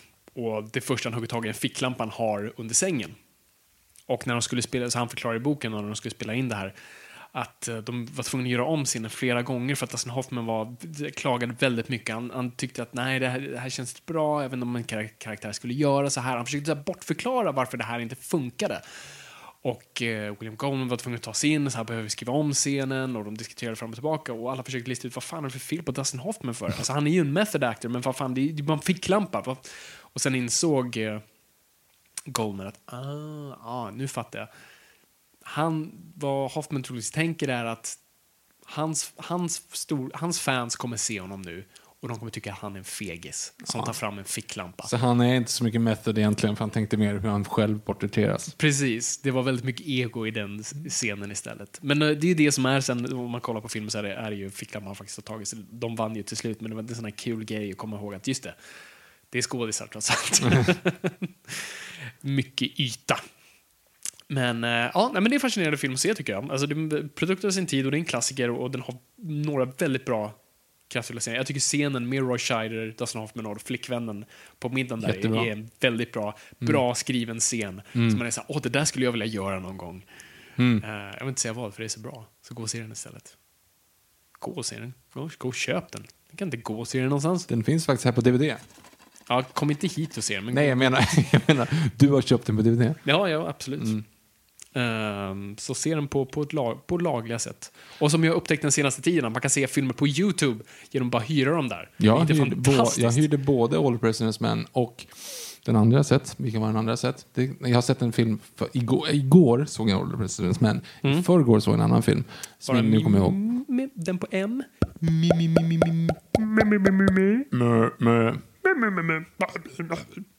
Vilken film på en? Jättebra.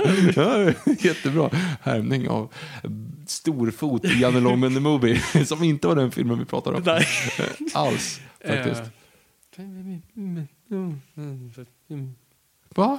Okay. Munich, vi kommer prata om Munich. Ja, det var den såklart. Men det var varför vi måste teasa om saker Nej, jag vet inte varför. Nej, ingen aning. Eh, Jag tänkte bara så här, samtidigt som det här, typ, Mm.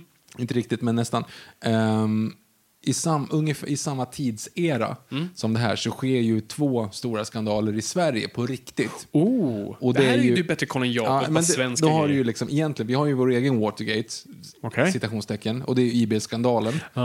Peter Bratt och eh, Jan Guillous avslöjande om att eh, informationsbyrån eh, kartla, kartlag, vad heter det? det skrev Kartlagde? ner... Kart, nej, men han, de gjorde inte det, utan de, de Infiltrerade? infiltrerade eh, vänsterrörelser i Sverige och rapporterade om dem. Så att de, eh, de eh, skrev ner folks politiska åsikter och lite sådana saker. Mm. Eh, så det var ju en stor grej, och det var ju våran Watergate. Egentligen... Det är det Jan Guillou hamnade i finkan för, va? Ja, ja precis. I ett år eller vad det var. Ehm, för att han åkte dit för spioneri för att han avslöjade en spionhärva. Skitsamma, det är en lång historia. Men den andra då, det, jag vet inte, jag, det har, finns säkert en film om IB-affären också.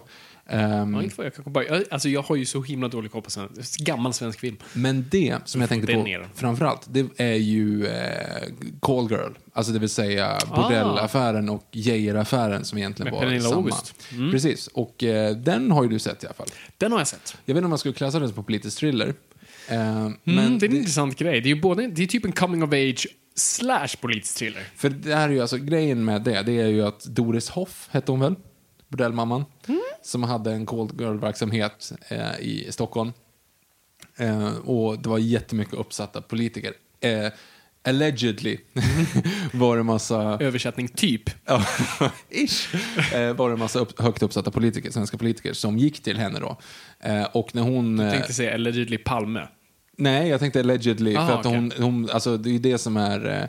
Eh, det är väl Torbjörn Fälldin, tror jag nu. Nu eh, killgissar jag. För mig att det är Torbjörn Fälldin som säger att så här, ja, men den här promemorian är skit för att jag säger att mitt namn är med. Mhm. Eh, vilket folk sa, men,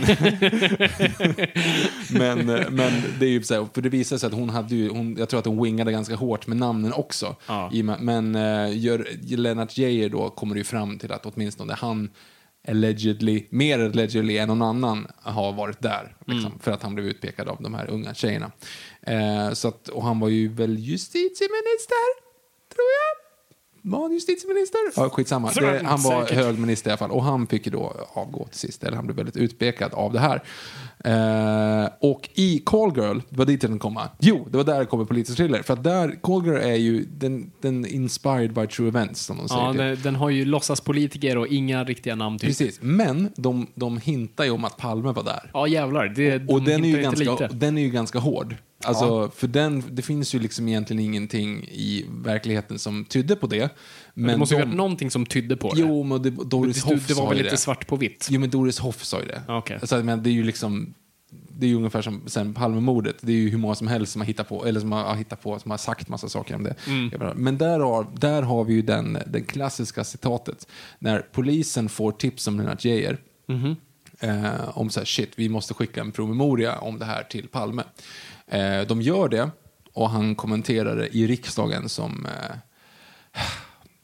Snus är snus och strunt är strunt, om än i polisiära promemorior. och den är väldigt, eh, det kan jag använda ibland. Ja, du, an- du Mm. använder det i daglig konversation. Nej, inte daglig, men den, den är snus är snus och strunt är strunt. Ja, snus Om är snus i- brukar, Ja, brukar jag höra Om än i polisiära promemorior är svårt att få in visserligen. Ja, men, den är lite svår att bara Ja, droppa mm. sådär. Eh, Men då i alla fall, det visade sig att han, han mörkade ju alltihop och bara och sa nej, nej, nej, nej, nej. Men det är också en sån här grej. Idag så avgår ju politiker hej vilt för olika grejer hela Mm. ja, gud tiden. ja. Alltså, de, behöver, de behöver bara tänkt på dem i samma mening som en skandal och de ryker. Ja, men, och du kickar ju politiker hela tiden idag. Ja. Men alltså då, folk klarar ju så hur mycket som helst. Och det det jag inte samma, fattar. det var inte samma drev. Alltså, nu är det mycket social media, tror jag. Alltså, få igång snöbollen och den blir större än man någonsin... Alltså, en tidning kunde ju bara driva så mycket. Och då kanske det bara var en tidning om inte de andra Ja, och sen på. så ringde de in till SVT i någon sån här Café Norrköping och bara så här, jag tycker att, här, och det var det pushen de fick Exakt. liksom. Men nu, nu blir det ju ett större driv. Mot Drev. Drev. Säger man driv? Drev, Man, driv, drev, var väl för, det drev. var ett drev förut, men nu, nu var det ett driv. Nej, jag tror att det blir ett drev. Jag sa att det var ett och nu är, var det. Ah. Ja, i alla fall. Nej, men, ehm, det är intressant, för, för Palme hade ju sina skandaler. Alltså det känns som... alltså, för du räknade upp några skandaler för mig och det var så här, alla involverar Palme. Ja, men IB... Det är som eh, ingenting hände och sen kom Palme och bara boom! Nej, men det hände väl allmänt liksom då. Han var ju statsminister under väldigt lång tid. Eh, för det lilla hoppet där med Fälldin visserligen. Men, men då så, till exempel den här Harvard-skandalen, det var ju också han. Det var ju att han, vad jag förstår, nu killgissar ni får googla det här, men jag för mig att han åkte dit och typ gästföreläste på något sätt. Och mot betalning så fick hans son typ gå på Harvard. Någonting sånt där var det. Eh, men som sagt, jag killgissar. Eh, och det var ju en jätteskandal liksom. Ja. Men han bara så, bäh! Och så och, och så var det klart. Ja, det är fascinerande. Sen har det ju, alltså, det är ju inte riktigt en skandal, men något som inte får politiska ramifikationer och det är ju mordet på Palme. Ja, gud ja. Ehm, som ändå, alltså, ja, det är ju inte löst än idag så vi vet inte hur politiskt motiverat, eller det har såklart varit politiskt motiverat, men eh, Eh, Nå, mm, mm. Har du sett eh, Träsket? nej, Via Play-serien om eh, Palmemordet? nej. Är det bra? Ja, skitbra. Eh, jag vet inte om det stämmer. Eller ja, det är klart att det, alltså, Det är grundat i någonting. det är grundat i någonting. Men det är också grundat på typ så här vittnesmål av knarkare som kommer fram 30 år senare. Alltså det, det är liksom, det är det varit Och Doris Hoff eh, blir ju intervjuad bland annat också, så hon är ju duktig på att läcka lite olika grejer. Liksom. Eh, men jag vet inte. Och det är så här, hade de sagt sanningen så hade ingen lyssnat på dem. Så jag vet liksom Mm. inte. Men det är en väldigt välproducerad dokumentär i alla fall. Ehm, Men där föds ju lite filmer ur det i alla fall. För det, alltså, vi har inte så många politiska thrillers här. För att delvis är vi ganska politiskt bara skraja i det här. Alltså vi, ingen vill riktigt uttrycka sig. Ehm, och därför har ju filmerna reflekterat det också. Det, det, är, alltså, det är ett statligt finansieringssystem så att, att ja, det, det är lite svårt eh, att bita handen som, som matar den. Men vilka filmer har det gjorts på politiska... För jag kan inte komma på någon, om man inte bortser från eh, Spår i mörkret såklart. eh, jag skulle säga att eh, Sista kontraktet är en, den är ju, den är ju ganska fiktiv. Ehm, Men det är Persbrandt-filmen. det är Persbrandt-filmen. Vad handlar den om? Eh, alltså det är ju Persbrandt som, som får tipset om att Olof Palme är på väg att, att mördas. Ja. Så han försöker varna. Och sen så sker mordet och sen så ska han lösa det. Och då har de ju gått på en av teorierna som är Sydafrikaspåret. Okej. Så man får ju följa då den här agenten och så.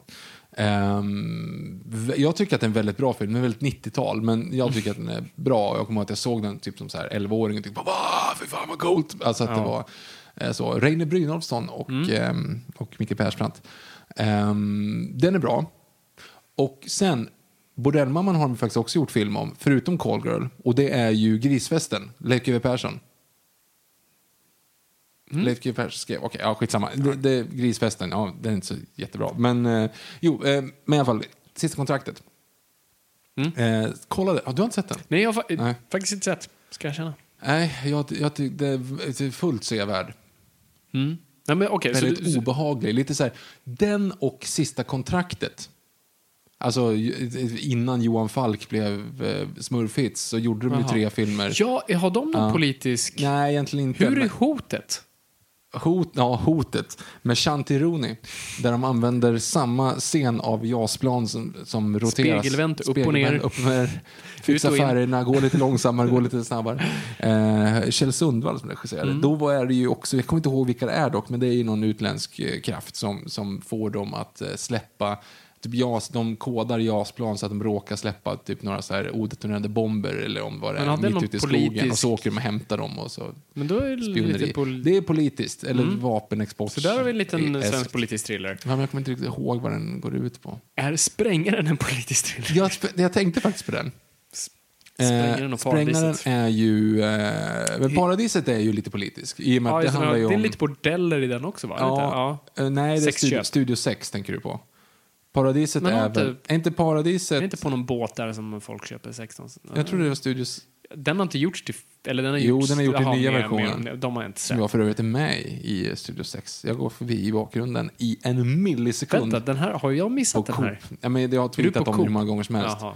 Blink eller you miss it. Det är helt, alltså, det är jättehemskt. Jag tror jag typ Det är fick en nacke som spökar där igen. Ja, ja, någonting sånt. Det ser ut som en små slalomport uppstoppat. Eh, nej, men vad var jag sa? Sprängan, du- sprängan, paradis. sprängan, jo, sprängan. Då är det ju att Sverige har fått ett OS. Ja, just det. Bara där. Men s- Vi hade ett 1912. Ja. Eh, Sverige har fått ett OS eh, och är pre, Är det statsministern eller är det typ utrikesministern eller Det är är idrottsministern? Någon är- av dem där. är no- eller för Någon det är en hög- minister, eller Någon hur? hög minister Ja. hittas sprängd till döds inne i OS-arenan. Mm. För först tror man att det bara är en explosion på OS-arenan. Kommer dit och så var det, ja, men det var tomt. Bara, Nej, det var en, en kropp och så identifierat att det är då en hög minister. Eh, nu kommer jag inte heller ihåg vad film, eller vad serien hette där det var en terrorattack mot Stockholm. Kommer du ihåg den? Som gjordes typ 2005, 2006. Då serien? Ja. ja, just det. Då alla gick runt med damm i fem dagar. Ja, och var skit och bara skrek på. Jätteroligt. Ja, jag kommer inte ihåg vad den hette. Ja. Den var, den var, ja, det, var, det, var ju, ja, det var ju bara skämtet att just att så här, De borstar även aldrig av sig så var det fortfarande damm på deras axlar. Ja. För det ser ut som de har varit med om. Ja, precis. Det var vår, vårt svar på 9-11. Mm. Ja. Riksdagshuset exploderar tror jag. Ja, precis. Mm. Och de hade just det var bara en, de hade en explosionsbild som de cirkulerade. Ja, den är jämnt. Alla trailers. Mm. Ja. Ehm, men sprängaren skulle jag säga, jag, jag vet Sprängningen inte. kanske inte har så mycket, den har ju inte så mycket med politik att göra med att det är en Mm. politiker Gömda där. Jag vet, jag vet inte ens vad, vad är motivet till att, spoilers, Pernilla August är sprängaren. Ja men för att hon typ, ja, men det var ju något så här typ ja, syrran, alltså det var ju något sånt där. Jaha, jag får mig att det ja, var typ så här halvpersonligt. Avundsjuk. För sen ska vi spränga eh, och hon eh, Angel också. Mm. Angel. Menar du filmen Angel nu? Ja, Ja, okej. Ja. Ja, jag kommer bara ihåg köksbordet. Så, ska vi, ska vi gå till reklam? det gör vi.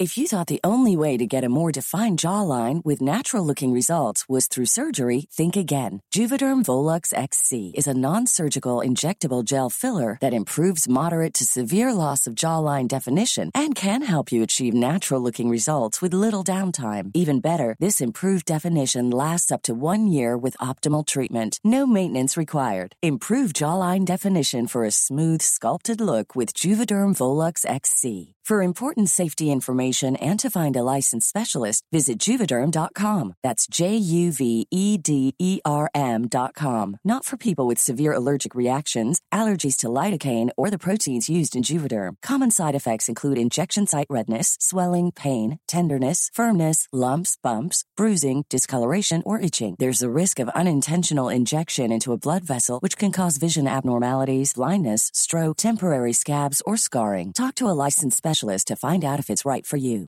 Hey, Dave. Yeah, Randy. Since we founded Bombus, we've always said our socks, underwear, and t shirts are super soft. Any new ideas? Maybe sublimely soft. Or disgustingly cozy? Wait, what? I got it. Bombus. Absurdly comfortable essentials for yourself And for those facing homelessness. because one purchased equals one donated. Wow, did we just write an ad?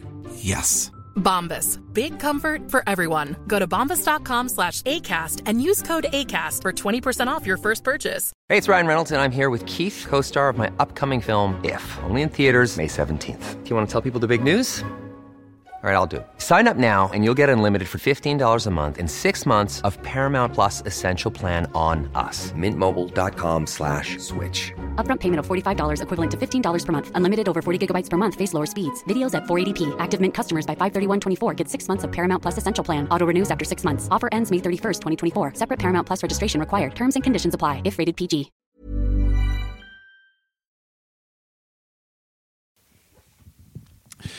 För övrigt, han som är också med på bordet är ju Q. Du vet han som sjunger i, eh, Ah. du vet. Ja, ja, ja. Burning, burning. Du vet Vänta, den? och va? Mm, det är han. Det är inte han som är på bordet. Det är han som är på bordet.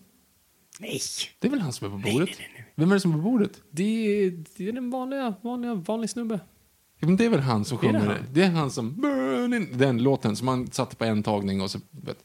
Är inte det han? Jag tror inte det. Jag tror att det är han. Mm. Är inte han? Vad, han- vad tänker, vem tänker du på? Jag tänker på... Jo, nej. Jo. Nej. Mm? Nej, den jag tänker på, men det är inte den. Det är... Erik Gadd. Jaha, nej, inte som sjunger den. Det vet jag inte. Men jag tänker på mannen, mannen på bordet. Eh, ja, alltså, jag är så dålig på namn, så jag försöker tänka på en annan film. Jag kan inte komma på en annan film. Jag har en bild framför mig. Men det, Mm. Du vet, du vet... Jo, nej, vet du varför jag tänker på det? Vet du vem jag tänkte på? Jag tänkte på... Åh, gud. Förlåt. Okej, vilken är schlagerfilmen? Eh, Livet är en schlager. Yes, mannen i den tänkte jag på. Är mannen på bordet. Jonas Karlsson. Nej! alltså, som också spelar mannen, alltså Helena Bergströms man. Ja, ja, ja. Tom. Jaha, Tom. Ja, men gud. Nej, nej, nej, nej, gud. Han är ju bra. Eh, förlåt. Eh, nej, men nej, nu, nej, nej, nej. Ja, okej. Nej, nej, nej, nej du, du är helt ute och cyklar nu. Let's call the whole thing off. Ja. Jag tänkte bara på, innan vi går vidare, så vill jag bara på, alltså, i och med hela All the President's Men så, så kommer det en film också som är en av mina absoluta favoriter, men som, som, är, som dök upp på några av listorna när jag kollade, men som jag inte har tänkt på som en politisk film, och det är The Conversation. Eh, av Francis Ford Coppola med Gene Hackman i huvudrollen. Har, du, har jag Nej. visat dig den? Nej. Åh, jag älskar den. Älskar att du ändrar från har du sett den till har jag visat den. Så att du skulle aldrig se den själv. Har jag visat den? Det var, jag antog det. Ehm, är det en av mina, jag, jag tycker det är min favorit av Francis Ford Coppola. Eh, han gör den, gör den mellan Gudfader-filmer och jag tycker det, den är mästerverket för mig. Eh, och den, den, det handlar ju om en avlyssnare, alltså en person som lyssnar av folk. Så det är ju i luften, absolut, men den har ingen riktigt så politisk vinkel. Men absolut har en konspiratorisk känsla och, absolut, och involverar involvera en högre makt, men i det här fallet typ ett företag. Så på ett sätt så är det ju då en politisk thriller. Jag har bara aldrig upplevt det som det. Men den lägger inte så mycket fokus på det, utan det handlar mer om subjektiviteten om hur, av hur vi tolkar ljud. Eh, och den gör det mest lite, i- den är ju en, eh, ett eko av blow-up. Nu pratar jag massa grejer som du inte förstår antar jag. Zoomar man in på din hjärna nu så är det en apa med två symboler. Ehm, ja, nej, men, ja, jag vet inte vad jag kan säga mer om den, men har ni inte sett The Conversation med Gene Hackman? Hoho, se den! Eh, en av de bästa soundtracksen någonsin. Det är typ bara två melodier på piano, men eh, jag älskar att lyssna på det soundtracket. Så att eh, se den, för den räknas tydligen som politisk thriller. Jag skulle inte se det som det, men det är det, för att jag vet det när jag ser det. Men tydligen inte här. Vi går vidare. Alltså, jag tycker ganska stort gap mellan alltså, Nixon-filmerna där, som vi har pratat om, och sen liksom 9-11-filmerna. För att däremellan så händer det inte så mycket. Alltså, det är mycket så här, assassination-rullar, alltså mycket ja, JFK, alltså inte filmer, jag menar alltså John F Kennedy och du har, sen har du även eh, Reagan blir ju, blir ju skjuten men klarar sig och det är mycket sådana filmer. Reagan, the actor. Eh, så du har ju mycket sådana filmer. Och annars tycker jag inte, alltså, du har ju 70-talseran är ju på något sätt en stor satans jävla paranoid era överlag. Eh, med mycket politisk film. Eh, och sen 80-talet, ja men då är det bara flärd, sushi, eh, hängselbyxor och eh, Stora telefoner. stora telefoner. Det är ju bara härligt. Eh, 90-talet, mm, Explosioner. explosioner och... Air Force One. Air Force One gick på tv för två dagar sedan. Är det en politisk thriller? Inte det minsta. det, var, det är, är ändå en spännande film Jaha. involverat en politiker. Mm, jo, men... Men det är väl verkligen sån här punching down. Alltså, det, är inte den här motmakten utan det är verkligen makten som get off my plane. ja. Jättedåligt animerad krasch kan jag säga. Nej, nej. Med facit på hand. Jag har glömt bort. Vi har kommit en bit i, i dataanimeringar. Ja, det är definitivt sen dess.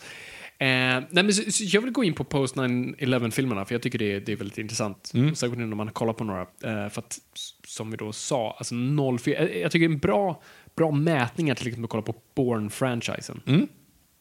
För 02 släpps första Bourne. Uh, som man säger är en politisk thriller, och det är väl det. Men den reflekterar inte alls den perioden när den föds in i. Men det är ju för att den kom 2002, så det är inte ens ett år efter 11 september. Och så världen har inte hunnit ifatt den. Det är ju bara att kolla, Dine of the Day släpps samma år. Den, är, alltså, den har inte ens eh, näven i närheten av pulsen. Den, jag vet inte var den har. Den har finger, fingret upp någon annanstans och det är inte pulsen. Eh, Rätt upp i lasen. och, ehm, och det var ju det, de var ju tvungna att tänka om efter det, för det var ett stort misstag. Eh, Och det är ju såklart, man kan ju inte förutse vad som händer och helt plötsligt världen förändrades på en dag och allting som gjordes som skulle vara lite så här, ja, Korea är het, alltså det var ju helt irrelevant. Och samma sak är det väl lite med Born. Born, alltså Born Identity är en väldigt bra film tycker jag och jag tycker det, den är cool och en bra actionrulle och en bra thriller, men har inte finger på pulsen från när den kommer. Men sen kollar man på Born Supremacy, som släpps 04. Inte nog med att vi, det är en helt ny värld, vi har också en väldigt politisk regissör som är Paul Greengrass. Som är politisk i allt han gör, men på ett väldigt bra sätt. Jag tycker Paul Greengrass är väldigt bra med att vara han, har han väver in politiker i tyget av filmen, men han skriker aldrig från liksom trätopparna. Så han gör, han gör ju eh, Bloody Sunday och han gör eh, Green Zone och Captain Phillips och eh, Den andra Mark Wahlberg den uppe, Elysium gör inte han. Nej, det- Blomkamp, det förlåt, förlåt, förlåt. För övrigt en också en ganska politisk film, men inte en thriller, är ju District 9. Men förlåt, fortsätt. United 93. Det var den jag tänkte på, kanske inte alls. Har du sett United 93? Vi såg den på bio ihop. Nej. Nej, jag såg den på bio utan dig. ja, det gjorde du. Eh, skitsamma. Ja, så han är en väldigt bra... Så han, han väver ju in det i allt han gör. Så, och även i Bourne-franchisen. Alltså han, han tas in för att göra en, en uppföljare till en populär film. Och här är vi nu... Alltså Bourne-franchise franchise är ju någon helt annanstans. Men vad jag tycker är bra med framförallt då Bourne Supremacy och Bourne Ultimatum, eh, vi räknar bort de andra, är ju att de de vet vilken värld de är i och de reflekterar det, men det är inte en klappa på huvudet eller förklara någonting. Och det, det har inte med 11 september att göra, men den, den pratar om... Alltså vad jag tycker po, vad Post 9-11-filmerna gör är att prata väldigt mycket... Alltså den reflekterar... Alltså delvis är det alternativa intressen, pratar mycket, alltså det är väldigt lite om terrorism, vilket man tänker skulle vara, det är absolut, det pratas mycket om terrorism, nämns på ett helt annat sätt efter 9-11. Men, men det är inte det det handlar om. Det är inte vad man hade kunnat tro, alltså true lies. eh, utan det är mer en paranoia än en gång över staten och vad statens riktiga motiv är. Så är på ena sidan har du ju då eh, motiven och ondskefulla företag. Och på andra sidan är det hur många suborganisationer finns det i staten? Vi, alltså det, du har CIA och NI, en, en, en, CSI, en CIS, det är ju någon annan. Men det, fan heter det? Vad heter CIA? det? Nej, men det finns ju en annan. Den som Jinx är i... eh, Hon är inte, eller hon är CIA. DEA är hon i Swordfish. Det är droger. Ja, men det är hon i Swordfish, Halle Berry. Ja. Nej, jag tänkte på den andra. Det finns en till. Ja, skitsamma. Det finns väldigt mycket organisationer i USA. Eh, och, det, och just en fråga, vilka är? vill säga, Hur många finns det och vilka är det? Så I Bourne-universumet är det ju Treadstone, eh, som är en gammal relik. Men så, så det är därför jag tycker att de, och jag tror de två sista Bourne-filmerna i trilogin är ju de mer som är mer aktuella i sin tid och reflekterar känslan av världen. Och därför tycker jag att de på något vis, jag vet inte vilken jag tycker faktiskt bäst om. Alltså, så här, magkänsla är ju första Bourne, men det är nog för att den är roligast. Alltså det är mer så här, ah, världen är härlig och det är, det är en kul, rolig romp, medan resten är ganska deppig. Eh, men kanske lite mer välgjord. Alltså om du jämför actionet i, vi ska gå igenom Bourne-filmerna en vacker dag eh, i den här podden, men actionet i första Bourne är ju väldigt matrixy. Alltså det är snabba grejer, alltså snabb i form av väldigt, nästan eh, John Wick-aktiga. Inte Slag. sett John Wick, tyvärr. Okej, ja, men mer sådär, mer kalkylerat. Medans Greengrass-filmerna är ju mer kaotiskt, alltså de föder hela shaky cam-vågen.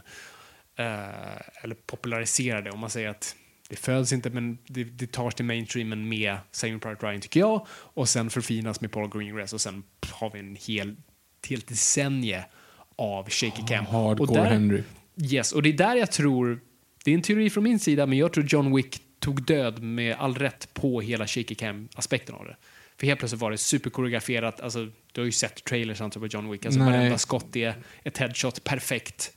Och det är snabbt. Ja, skitsamma. Det är mer åt Matrix-hållet än shaky cam-hållet. Mhm.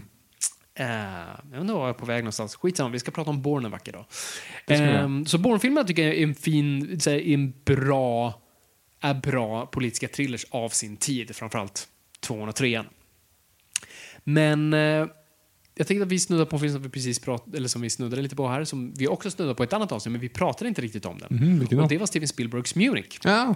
Spielberg har inte gjort så mycket politisk film, för det är inte riktigt det han är känd för eftersom han är en känslomänniska han känner väldigt mycket. Och, eh, det här är väl då hans enda, och man kan, man kan ju räkna Bridge of Spies, men men jag tycker det är mer en spionrulle som snarare visar ett politiskt läge och kanske inte riktigt djupdyker så mycket med i det. Medan Munich gör det, fast utan att ta ställning, vilket är väldigt fascinerande. Ehm, hade du sett Munich? Jag hade inte sett Munich innan och jag såg den nu. Eh, jag var kluven. Det är en grym snygg film. Alltså den är välgjord, den är spännande på alla sätt och vis.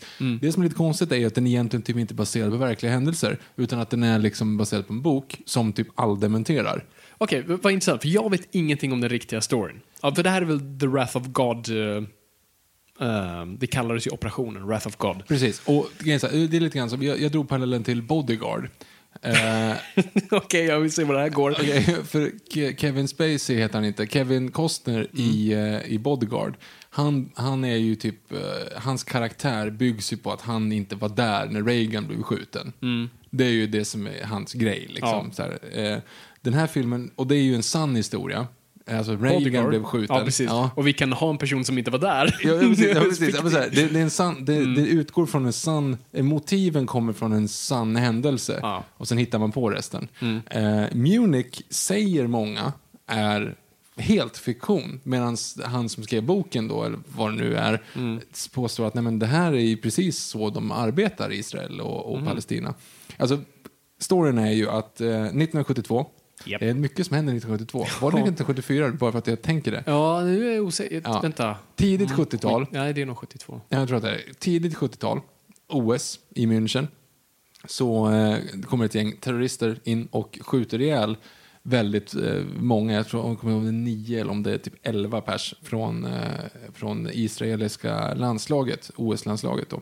Eh, varav två blir dödade när de kidnappas och resten då tas ut på ett eh, flygfält för att de ska, liksom, de ska släppas mot, en, mot att eh, några, eh, några fångar, palestinska, palestinska fångar ska släppas i, i som Utbyte. israelisk eh, fångenskap. Och då så går någonting snett och alla dö, dör. Ja.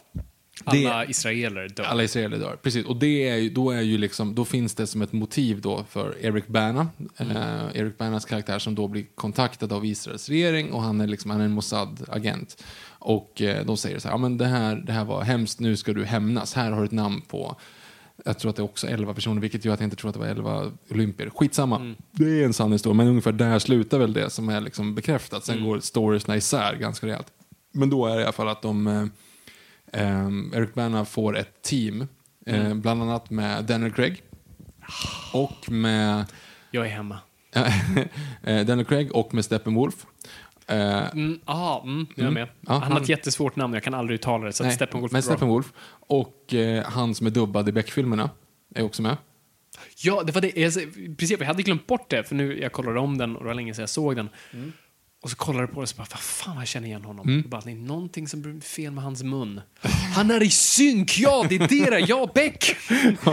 han, han är ju, jag kommer inte ihåg vad han heter, men han som är i alla fall den dubbade i Beck-filmerna och en snubbe till Token tysk i Beck-filmerna. Precis, och den andra snubben som jag inte vet vem det är. Och de då ska egentligen ut på en killing spree runt om i Mm. Europa för att liksom För att göra de som planerade Ja, på, på olika sätt. Liksom. Eh, och jag tycker att den var en svinhäftig film. Mm. Men jag kände redan direkt så här, jag har ingen aning om vad jag ska tycka rent politiskt här nu. Jag har ingen aning, så här, varför håller jag på de här? Jag vet inte. Mm. Men det är ungefär som att se en, det låter jättekonstigt, men det är ungefär som att se en film som handlar om typ Jason Voorhees.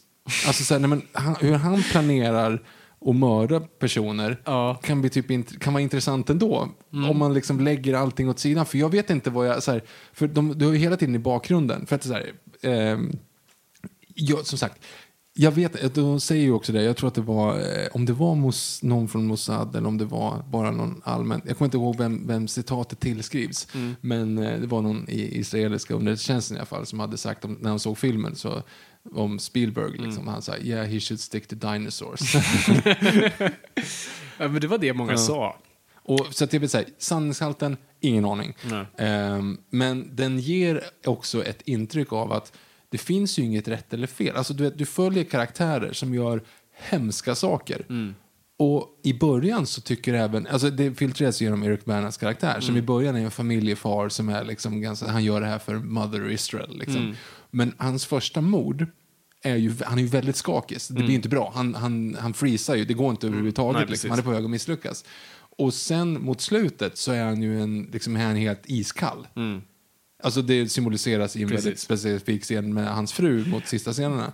Som jag tycker, all, på tal om att inte finger på pulsen utan någon annanstans. Mm. Ja, precis. Ja, den, den är verkligen så här, oj. Nej, men, och det är verkligen, det är övergången från från första gången de går, sitter på bordet till Mm. sista gången de sitter på bordet. Det händer bara två gånger, men de Ja. två är väldigt symbolis- symboliska i hur den karaktären utvecklas. Mm. Verkligen. Det är typ första gången jag någonsin sett att en sexscen faktiskt betyder någonting. Alltså, det, det, det. det finns en funktion med att den här scenen är med. Faktiskt. Ehm, nej, och det är en väldigt intressant, ett, intressant perspektiv, för de försöker ju hela tiden legitimera det. De, alltså, de legitimerar det för sig själva konstant. Mm. Karaktärerna inför Karaktär, ja, filmen. ja, ja, gud ja, det är det jag menar. Alltså, Karaktärerna försöker legitimera så här, vi måste mörda den här personen.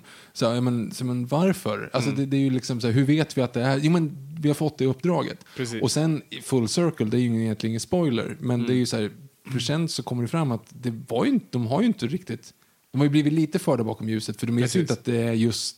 Så här, de här specifika anledningarna, Nej. utan de är så här, "They- they're bad, men Ja. varför vet vi inte. Men i alla Precis. fall, det, det, mot den så finns det hela tiden en, en pamflett av att så här, ja, men nu har 20 israeler dött i den här terrorbombningen har man på nyheterna hela tiden. Mm. Så att de är hela tiden, de, man gror i den här grejen av att det, liksom, det här kommer aldrig ta slut. Mm. Och på något sätt så vet jag inte om man håller på dem eller om de håller på sina gärningar. För att de så här, också de som de spränger, Mm. De som de mördar, porträtteras väldigt fint på ett sätt. För ingen av dem är så här mustache twirling. Nej, nej, det är så här familjefäder och... Ja, men det, det är det som är så sjukt. Och man blir så här, men vad händer? Det är ju Jason Voorhees liksom. Alltså, som sagt, det är ju samma sak där.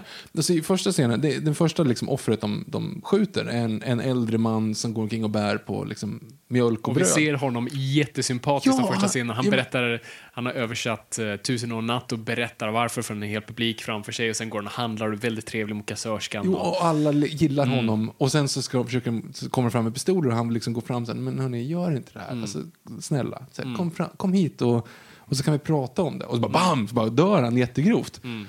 Och den andra är också så här, en familjefar Mm. och den tredje är liksom så att han kom, de står på balkongen och han pratar, konverserar lite snällt och du vet så här, man säger men varför gör ni det här? Precis. Och det reflekteras ju genom Rick Bannas karaktär som Mm. också liksom, han, i början så ifrågasätter han det jättemycket men mot slutet så gör man det bara. Och det är lite samma sak som vi i publiken gör också så här, ja, men, they're, supposed to, Mm. They're supposed to die. Men, men man har helt glömt bort att man tyckte att det var jättejobbigt i början.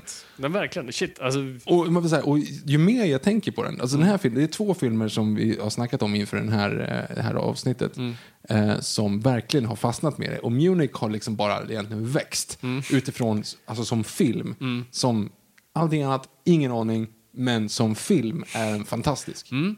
ja, gud vilken bra recension Victor. Jag, jag, jag, jag känner mig som en podcastlyssnare. Jag bara så, mm, det här var jätteintressant. Nej men, eh, fan, bra, bra, bra tankar där. Nej, men det, det är det jag tycker är så, så fascinerande med den här filmen. Och, och det fick ju Spielberg väldigt mycket skit för. För att han tog inte ställning i det. Um, och det var det folk ville ha, för det här är ju så polariserande ämne och det är så komplext och du är så här, bara lyfter du på locket så är det bara fullt med mask och det är bara kaos. Alltså det är inte ens... Oh, att djupdyka i det här är... Brr. Så att, och nu skulle Spielberg helt plötsligt sätta sin tå i det vattnet. Och det han gör är en på ett plan en väldigt objektiv porträttering av det var det här som typ hände, fast kanske inte, men det här är det, det typ Det, det, som det hände. är det som händer i boken. Ja, eller man det är säger. det som händer i boken och vi ser det. Och vi ser det bara så här, det här är det som händer. Varsågod, deala med det. Och det är det jag tycker är ganska mästerligt med det, för det, det hänger på oss. Det hänger på oss, precis som karaktären, som du säger, som är osäker i början, precis som lite osäker i början och sen, sen blir vi, eh, vad heter det, Des, desinfekterade på sig, men det är inte det det är. Des, ja, skitsamma. Ja, men man- man- det blir avdramatiserat ja, nästan, ja. men vi blir för vana vid det. Ehm, och han bara visar det för oss och det är upp till oss att deala med det. Och, och det är inte som att det här är en sån här eh, vifta, vifta is, israeliska flaggan-film, eh, en judisk hämnd, hämndfilm, för det här är inte för att de ifrågasätts hela tiden. Det finns ju den här scenen då de ska dela boende med de här andra lönnmördarna. som Från sen- Libyen, va? Precis. Eh, och, de och en av dem och Eric Bana har en lång diskussion i trappan om Israel då versus Palestina och det här eviga kriget som de säger så här, vi kommer hålla på för evigt. Vi tänker inte ge upp. Vi, ni, ni kommer döda oss, men vi föder fler barn och då kommer de hämna... Alltså det, vi kommer inte vila. Och eh, så den diskuterar ämnet hela tiden, men Spielberg tar aldrig en direkt ställning och det tror jag gjorde folk väldigt okomfortabla. Ehm, för att det blir, i såna här allvar, då vill man på något sätt regissören, autören ska ta ställning så jag kan ta, ställning till ställningen. Men det gör han inte, Nej. så jag måste ta ställning. Och då blir jag nervös. För det är komplext. Och jag gillar inte komplexa saker. Och Spielberg är söt och gullig. Och vad, vad gör jag här? Och det är nog därför folk reagerar väldigt mycket mot. Jag tycker den här filmen har åldrats väldigt väl därav. För det Spielberg också är mer intresserad av, han är, intresserad, han är inte intresserad, eller han är delvis intresserad av, men det är inte det han är, fokuset är inte Israel-Palestina-konflikten. Fokuset är 11 september. Och temat i filmen är familj versus land. Det är det som ekar hela tiden. För det enda Eric Bana vill, alltså, mm, alltså Spielberg är som bra, han skriver ju inte manus, men han är alltid involverad i manusen. Och familj är ju någonting väldigt mm, centralt, lyssna på vårt Spielberg-avsnitt, men det är väldigt centralt i hans filmer och här också. Och du sätter ju, viljan hos Bana är ju inte hämnd, viljan är komma hem till sin familj, vilket är perfekt Som konstruerat. han mer eller mindre tappar. Precis. Och man måste ifrågasätta, för först väger ju uppenbart familjen tyngst. Det är därför jag gör det här, så jag kan komma hem sen. Och sen men sen är det ju, han jobbar ju bara för sitt land och det, det blir allt mer viktigt och det tar mer och mer fokus och det involverar honom. Och sen är det det som är det viktiga, så vad uppoffrar jag för vad? Och vilken scen tycker du, vilken scen visar den twisten bäst? Oj! En scen som jag tänkte så här, nej men vad fa-" och sen bara aha. Alltså, pratar vi... Inte den scenen, inte... Nej. Nej nej, alltså det är för långt. Alltså det är innan dess. Nej, jag vet inte vad, vilken du tänker på. Hon, eh, nattfjärilen i baren. Jaha. För han, det sitter ju en kvinna som, Ja, som om, han, om han går fram till henne först, Mm. så här, om man tänker, och för hon sitter och typ så här, tittar på honom lite grann, och han står i baren och man tänker så här, men du, nej, du har ju din Du fru gift, hemma. Du är gift man, du är en gift man. Ja, eller knöl, beroende på om det Ja, är eh, trailern till Toy Story 2 eller inte. Så går han fram till henne och pratar med henne Mm. och hon liksom tog stö stöter på honom. Och han bara, nej men, ja, gå här, nej, jag, nu går jag och lägger mig liksom. Och hon säger så här, ja men jag bor i det här och det här, du vet var du kan hitta mig. Och så Mm. visar hon vart parfym, vilken parfym hon har så att han kan lukta på parfymen. Ja, liksom. just Och så går han upp och lägger sig. Och så säger han då till sin kollega, liksom, som också säger, ah, by the way, det sitter en nattfjäril i baren, liksom, akta dig för Mm. henne. Och så går han och lägger sig. Och sen så ser man då, för man tänker han är familjefar, det är klart inte Mm. han ska liksom hänga med prostituerade. Och sen så ligger han, kan han inte sova. Mm. Och så luktar han på handen och klär på sig och går ut. Ja, för att han, ja men fuck, it. alltså så här, du, nu, är det, nu är det Israel, nu är det inte liksom familjen längre, nu är det liksom tjänsten, Precis. inte familjen. Så han går ner i baren och hittar inte henne.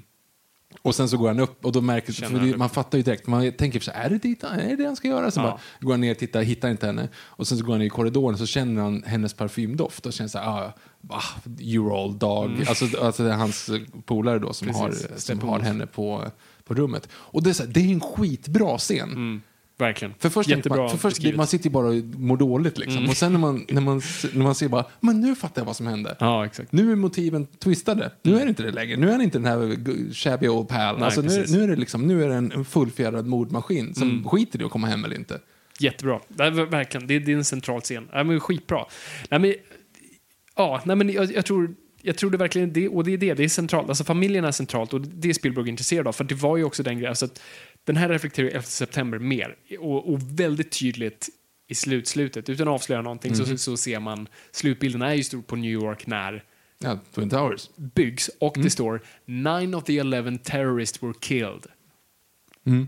Vilket är så här, text och bild tillsammans. eh, som är väldigt... Mm. Det tänkte inte ens jag på. Jag tänkte på Twin Towers, men jag tänkte inte 9-11. Så det är Eh, väldigt så här, okej, där och där. Um, Mm. Och så, så det är det han, han det, det, alltså, det här är 2005 så vi är mitt i Irakkriget. Där är just frågan om så här, vad, vem är det vi tjänar och gör vi det här för våra familj? Är vi ute där och krigar för vår familj skull för att försvara oss eller gör vi det för vår nation och deras intressen?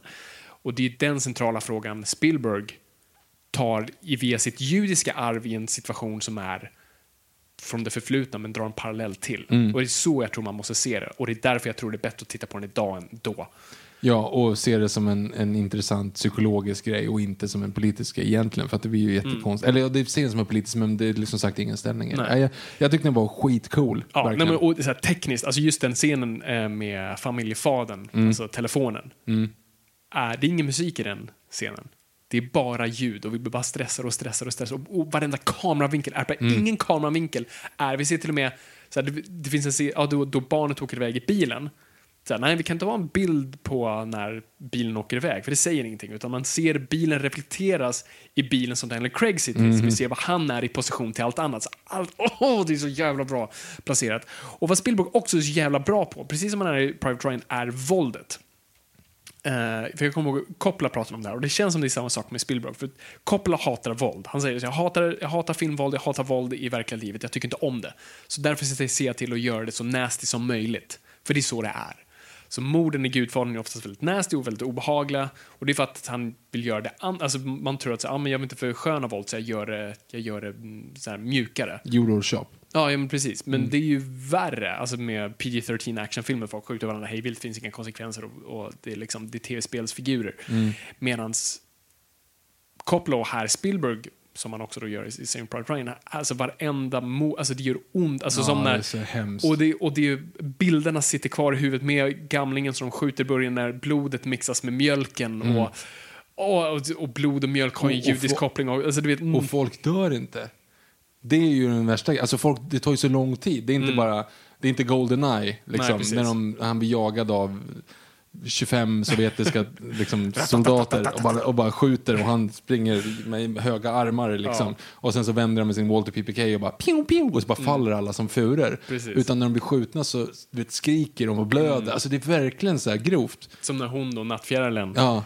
Men jag har aldrig sett sådana pistoler. Det är också bara smart grej av Spielberg. För det troligtvis inte grundat i verklighet, om de ens fanns, det vet jag eller om de, det är uppenbart inte att det, det tillfället skedde. Men han var tvungen att bara göra någonting annorlunda där. Det är alltså de, det, det, är som, det ser ut som ett, bara, Bara en ljuddämpare, En typ. ljuddämpare som de slår på och då kommer en kula ut. Det ser absurt ut men det är någonting väldigt obehagligt i det och någonting väldigt intimt och fel och särskilt när hon är så avklädd. Det, det känns bara jättefel. Och, och den här andra snubben som sprängs på hotellet, alltså det är blod överallt. Det är Ja. inte bara så här, åh aska överallt, utan det är Nej, det, folk försvinner inte när de exploderar utan det blir liksom... ah, nej, Och det är den viktigt i en sån här film. Du ser konsekvenser av våld.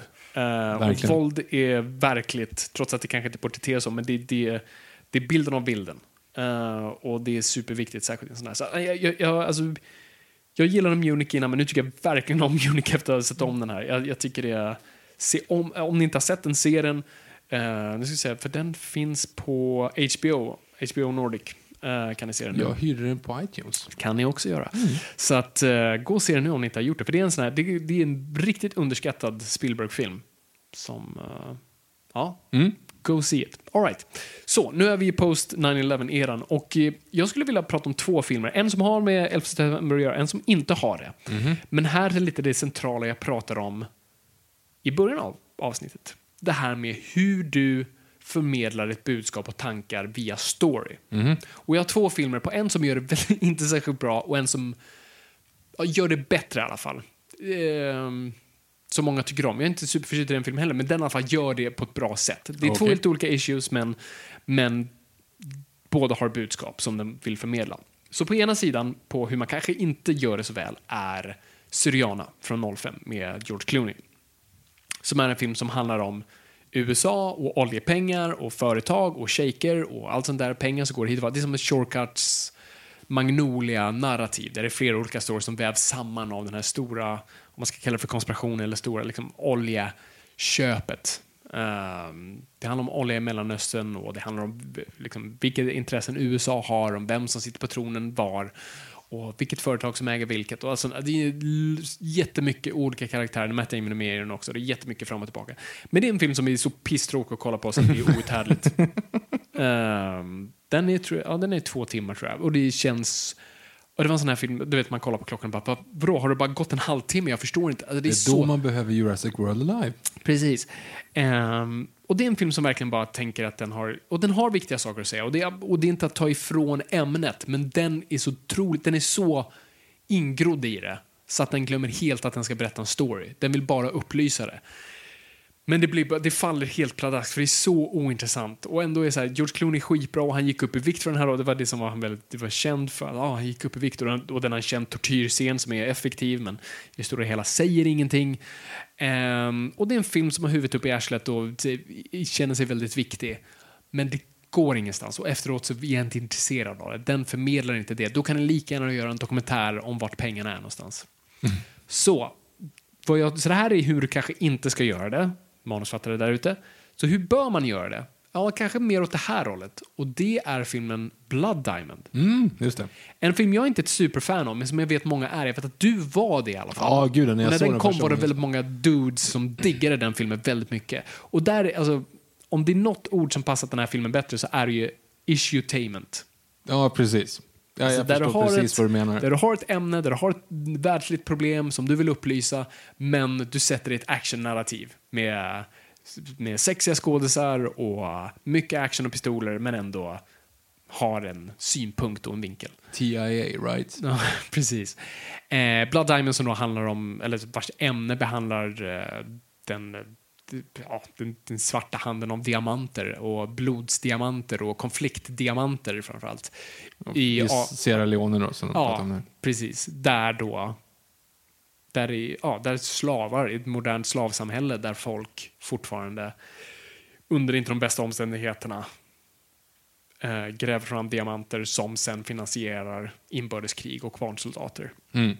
Och det vävs in i ett narrativ av en eh, man som förlorar sin familj eh, i då en sån här, vad heter den här konvojen av barnsoldater? Den heter Ja, ja, organisation ja, någonting. eh, RUF is fighting for the people. RUF, just det. RUF. RUF eh, som, som eh, förstör en hel by.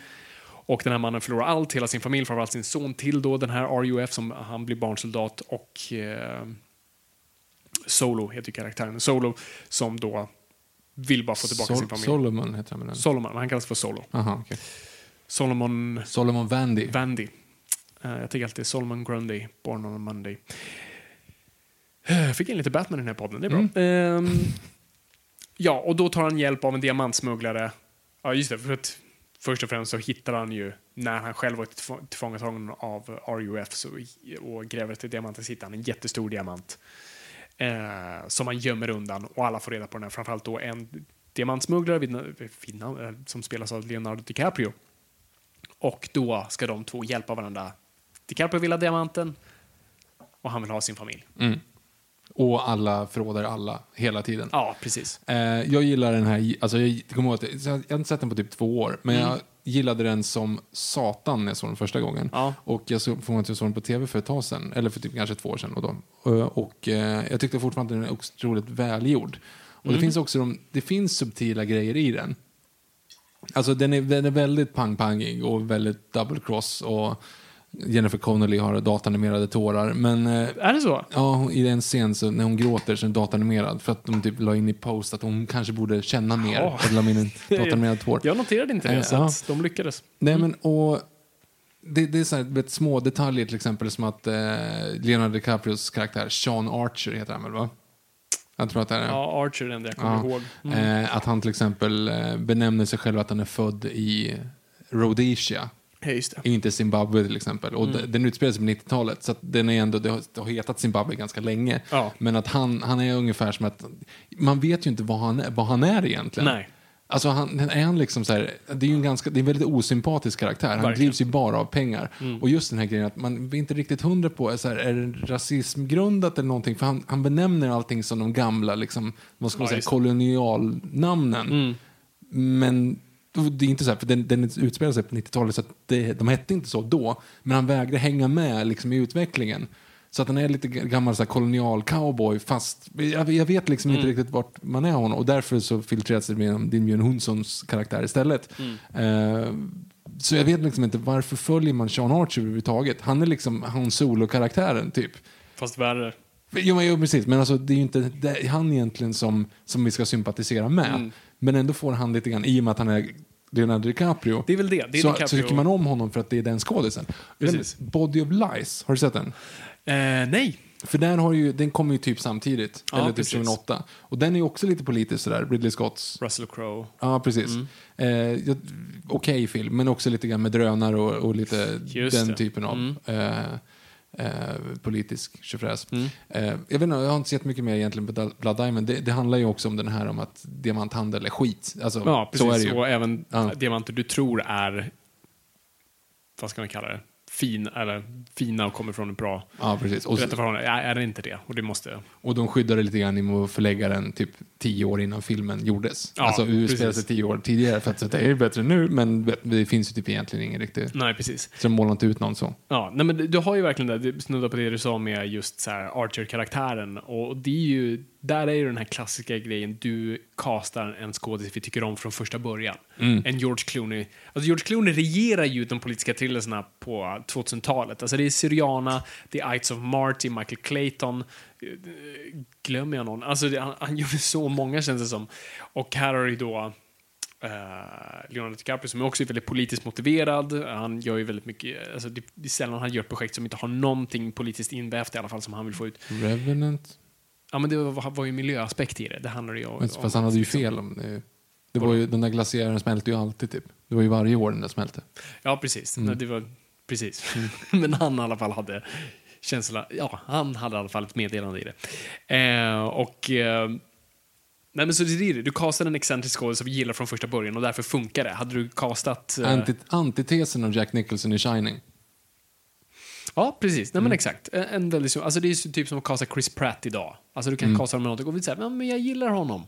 Det är svårt att sätta honom i en osympatisk... Om, om man sett... Ja, nu tänker jag bara för att jag såg... Eh, han är med i Syriana, men Mark Strong. Mm. Han kommer vara skurkaktig. Alltså, du vet, jag älskar Mark Strong, men du vet, han... Du vet, sätter honom i roll så tänker jag så här, "Åh, vem är du egentligen? Mm. men DiCaprio kommer jag direkt på så här, ja, men jag gillar dig. Eh, och det är väl därför jag inte riktigt fastnar för Blood Diamond som många andra gjorde, för att jag, jag gillar aldrig den kar- Archer-karaktären. Nej, men du, du ska inte gilla honom Jag heller. vet, men det, är det bara alltså- dude, det var ju bara dudesen som gillade honom. Ja, ja precis. Man fattade folk gillar det. det av fel anledningar. Ja, liksom precis. folk som gillar Suits av fel anledningar. Jag kollar på Suits och jag kan digga det som godis, men så här, folk så här, aha, ni gillar det av Folk gillar det av fel anledning. folk vill bli det där.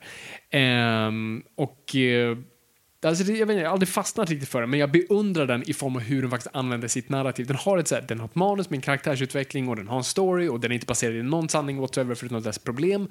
Um, och den vill dra dig till biografen för att förstå vad det, det Jag tycker att det är det perfekta sättet att prata om politik. Jag håller helt med. Jag Mm. håller helt med. Det är därför jag säger att jag beundrar den och jag tycker det är antitesen till Syriana. Det är bara att jag är inte är så förtjust i filmen i sig för att jag dras inte till liksom, den storyn den vill berätta, men beundrar den storyn om du förstår vad jag menar. Mm. Ja. Så att... eh, ja, men jag tycker, så den är smart i sitt sätt och jag, och jag lärde mig någonting på vägen. Så, så det är lite kul att bara säga, visste du att diamanter, jada, jada, jada, jada. Mm. Sen såg vi ju en film precis också, eh, alldeles nyligen, som vi trodde Mm. var en politisk thriller. Som du sa innan, så här, den här måste du plugga på, du ja, måste se precis. den. Som jag hade för mig av någon anledning. Ja, och det är ju Bosnas. Eh, Bosnas... eh, va? Ta, ta den här så är jag imponerad. Bosnas.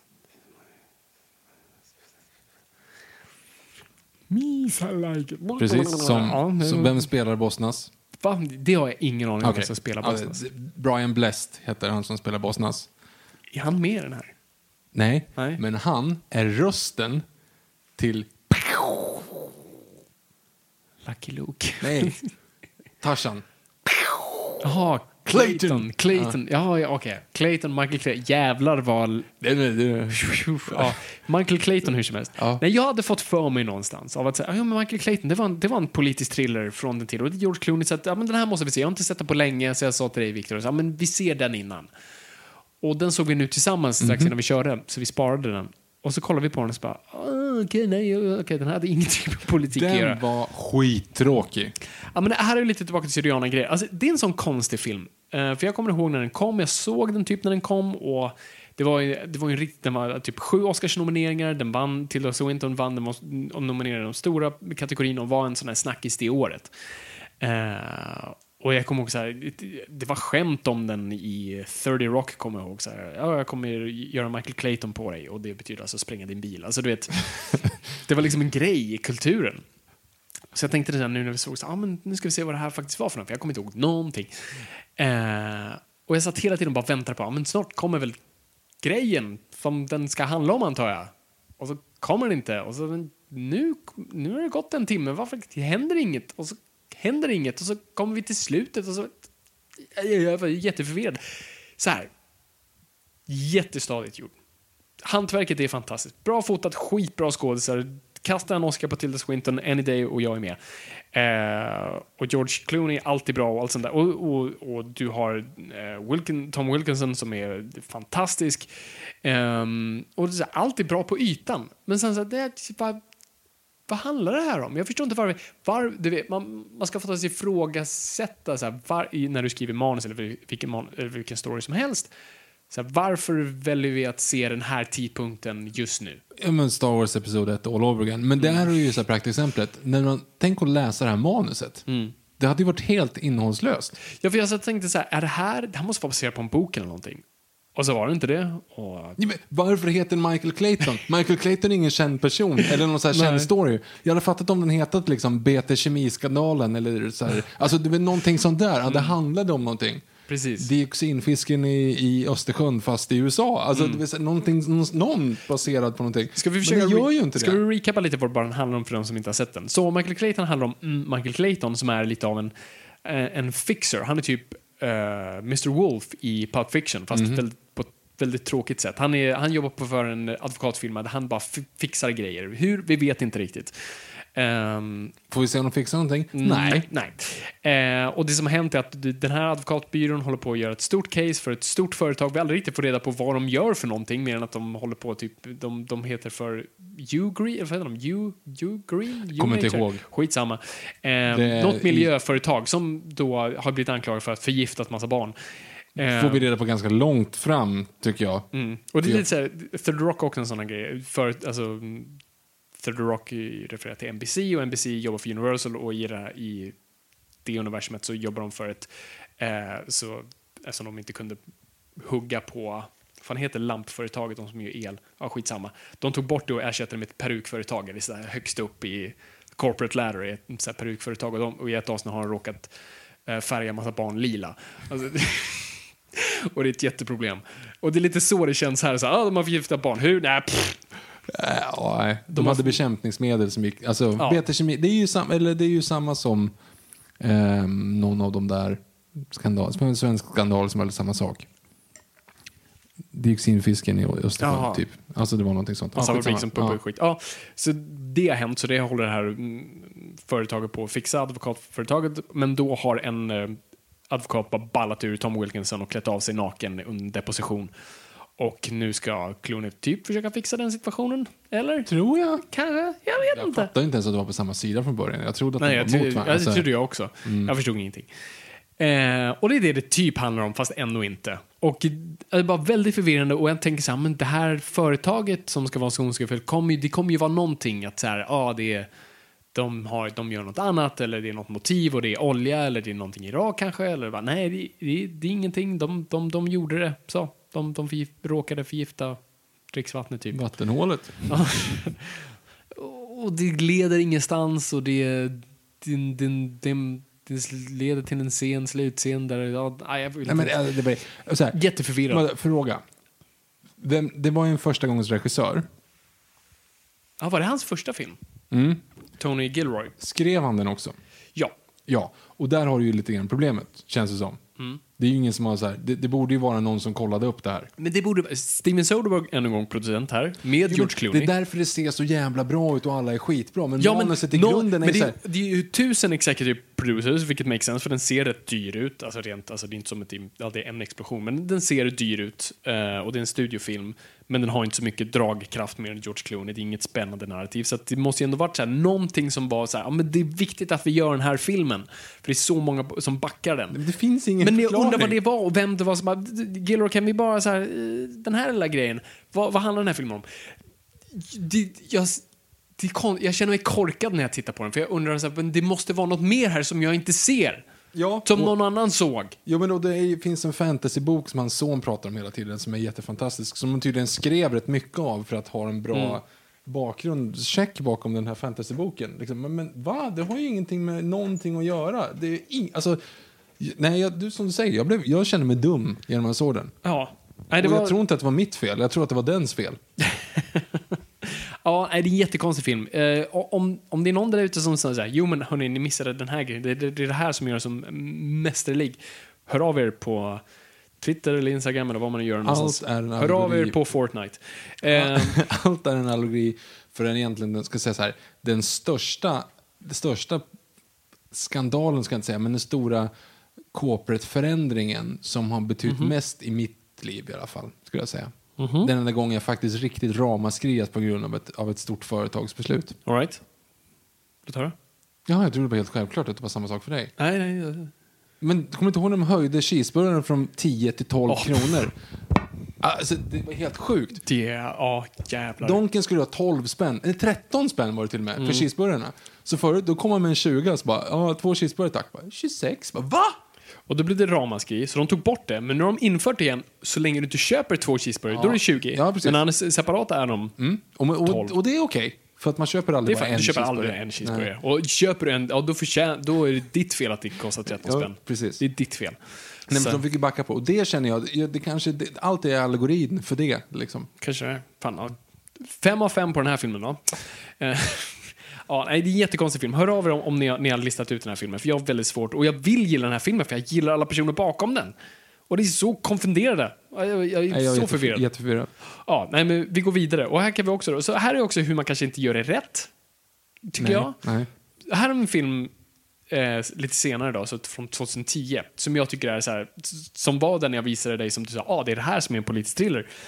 Och det är The Ghostwriter. Inte Ghost Rider med Nicolas Cage, Och inte The Reader som jag blandade ihop det med första gången. yes, utan Ghost Writer med eh, Hugh McGregor och eh, Pierce Brosnan, gjord av Precis. Eh, och Kim Cattrall är med den också. Kim Cattrall. Precis. Eh, så här, jag tyckte att den var helt fantastisk. Mm. Och det är den här om Unix som har växt för mig i efterhand. Kul, för du tyckte om den här direkt när du såg den, och den har men, växt ännu men mer. den växt alltså det var så här, lite så här, som du sa också efter att ha sett den, det är en typisk fyra. Ja. Det är så här, den är bra. Eller den är jättebra. Ja, den är, den är jättebra. Den är, den är mycket bra. Mm. Eh, men jag vet inte vad det är som inte är så. vet, de hade typ inte kunnat gjort så mycket mer för att göra den bättre. Nej, nej, och precis. inte kunnat göra så mycket, alltså, det hade, alltså, jag vet inte vad det är som skulle kunna göra den till en femma, men det känns inte som en femma ändå. Mm. Alltså det är någonting bara i den som är så. Väldigt, eh, väldigt bra film. Och då är det alltså, den handlar om eh, Pierce Brosnan, Mm. som är före detta premiärminister i England.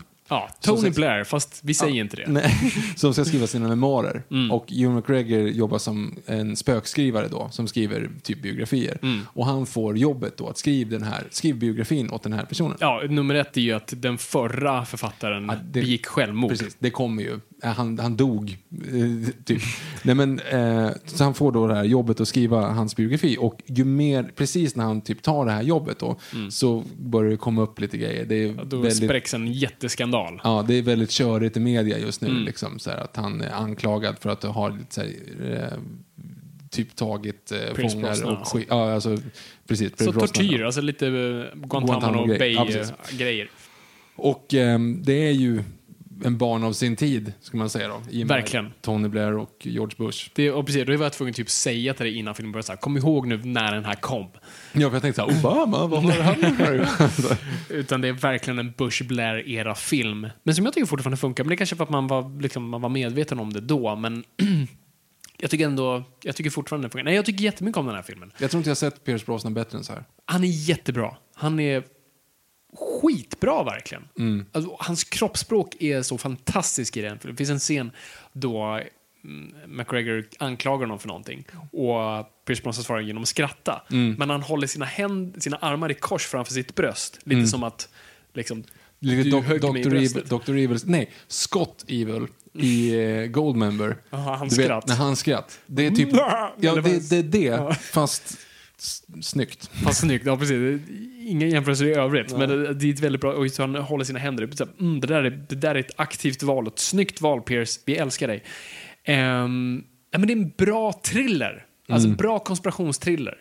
Som verkligen talar för sin tid, men, men drar ett steg längre och leker med en teori som många... Alltså, ju- den har ju lite samma idéer som uh, Manchurian Candidate från 04 har. Lite av det här. Ja, fast det vet man ju inte.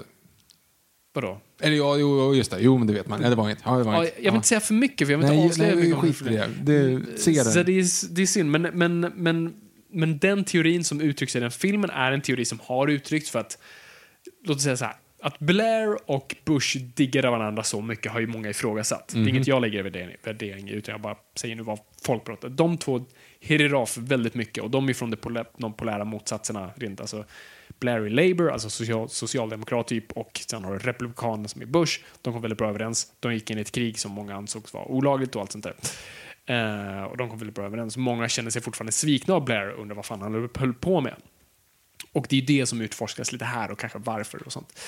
Eh, och den gör det på ett snyggt sätt, tycker jag. Ett smakfullt sätt, utan att vara... Jag tycker, för det är här som är nyckeln i. Alltså, den har ju uppenbart lite av en ideologisk... Den utgår från ett perspektiv. Ja, ja, självklart. Men vår huvudkaraktär är inte ideologisk. Det är det första han säger. I don't care about politics. Mm. Eh, och det är därför filmen funkar, för att han är ingen crusader. Utan han är bara mitt i spindeln i nätet av allting som händer runt omkring. Saker händer honom och han vill bara få reda på varför han är i den situationen han är i och försöker ta sig ur det. Uh, och det är därför den filmen funkar. För hade du haft en Michael Moore i huvudrollen, Ja, det hade inte gått. hade inte funkat.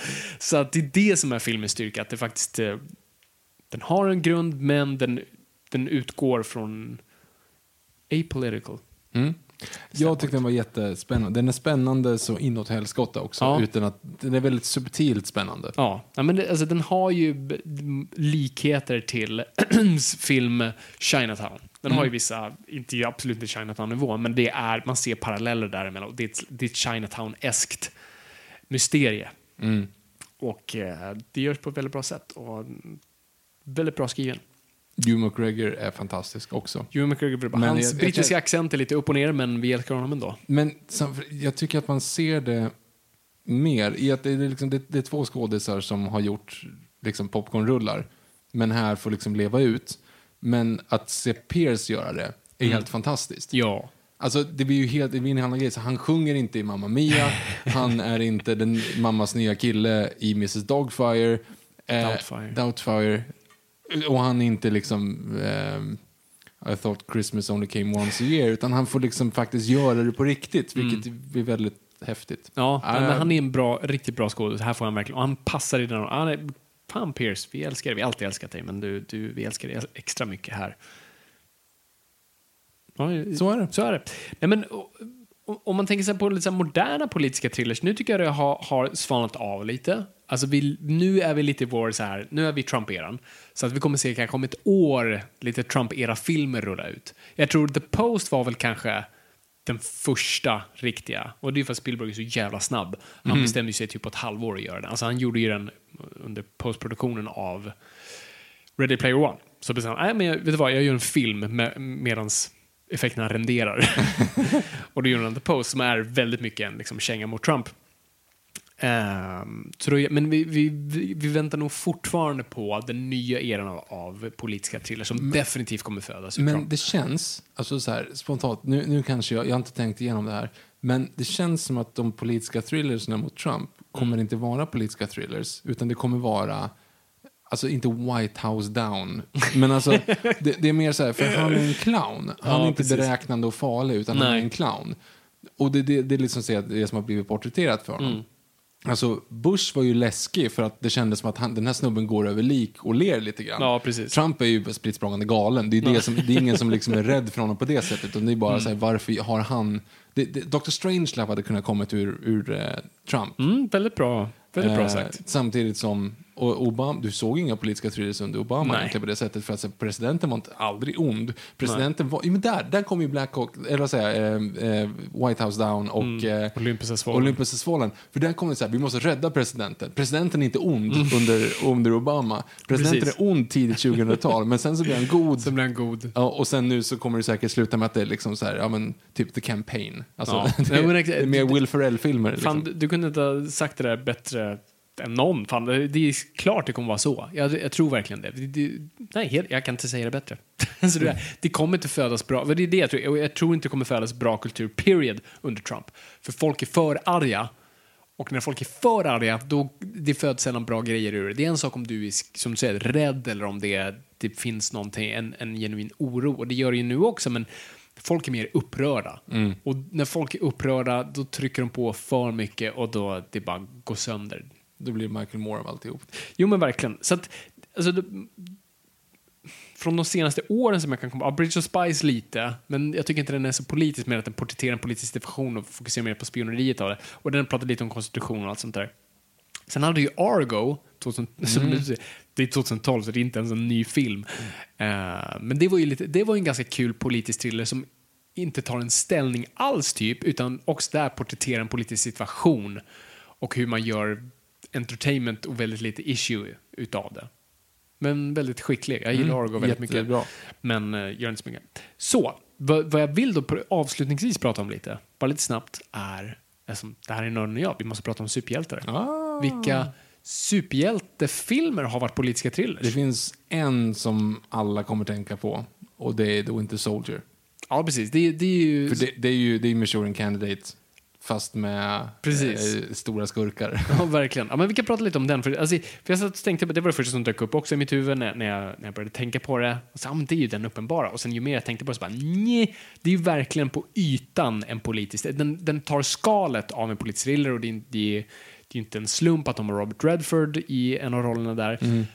Och den har ju lite det här, ja, drönarkommentar i en replik, typ this isn't freedom, this is fear, när de, när de håller på och massbygger alla de här uh, helicarrierna.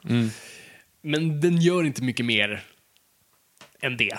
Nej, men det är en Den- sleeper den- den- agent. ja, ja Alltså. det- precis, men det är inget politiskt i den. Nej, alltså det är inget okej. liksom, och man infiltrerar, ja, Hydra infiltrerat uh, Shield, men det finns inget, man märker att det inte föds ur någonting. Mm. Och det är som du säger, det kommer ur Obama-eran. Så att det finns ingen, ingen är riktigt rädd. Det är det enda som det, Obama... det är helt självklart att presidenten inte vet om det. Nej, nej, att han precis. That's a good guy. Exakt.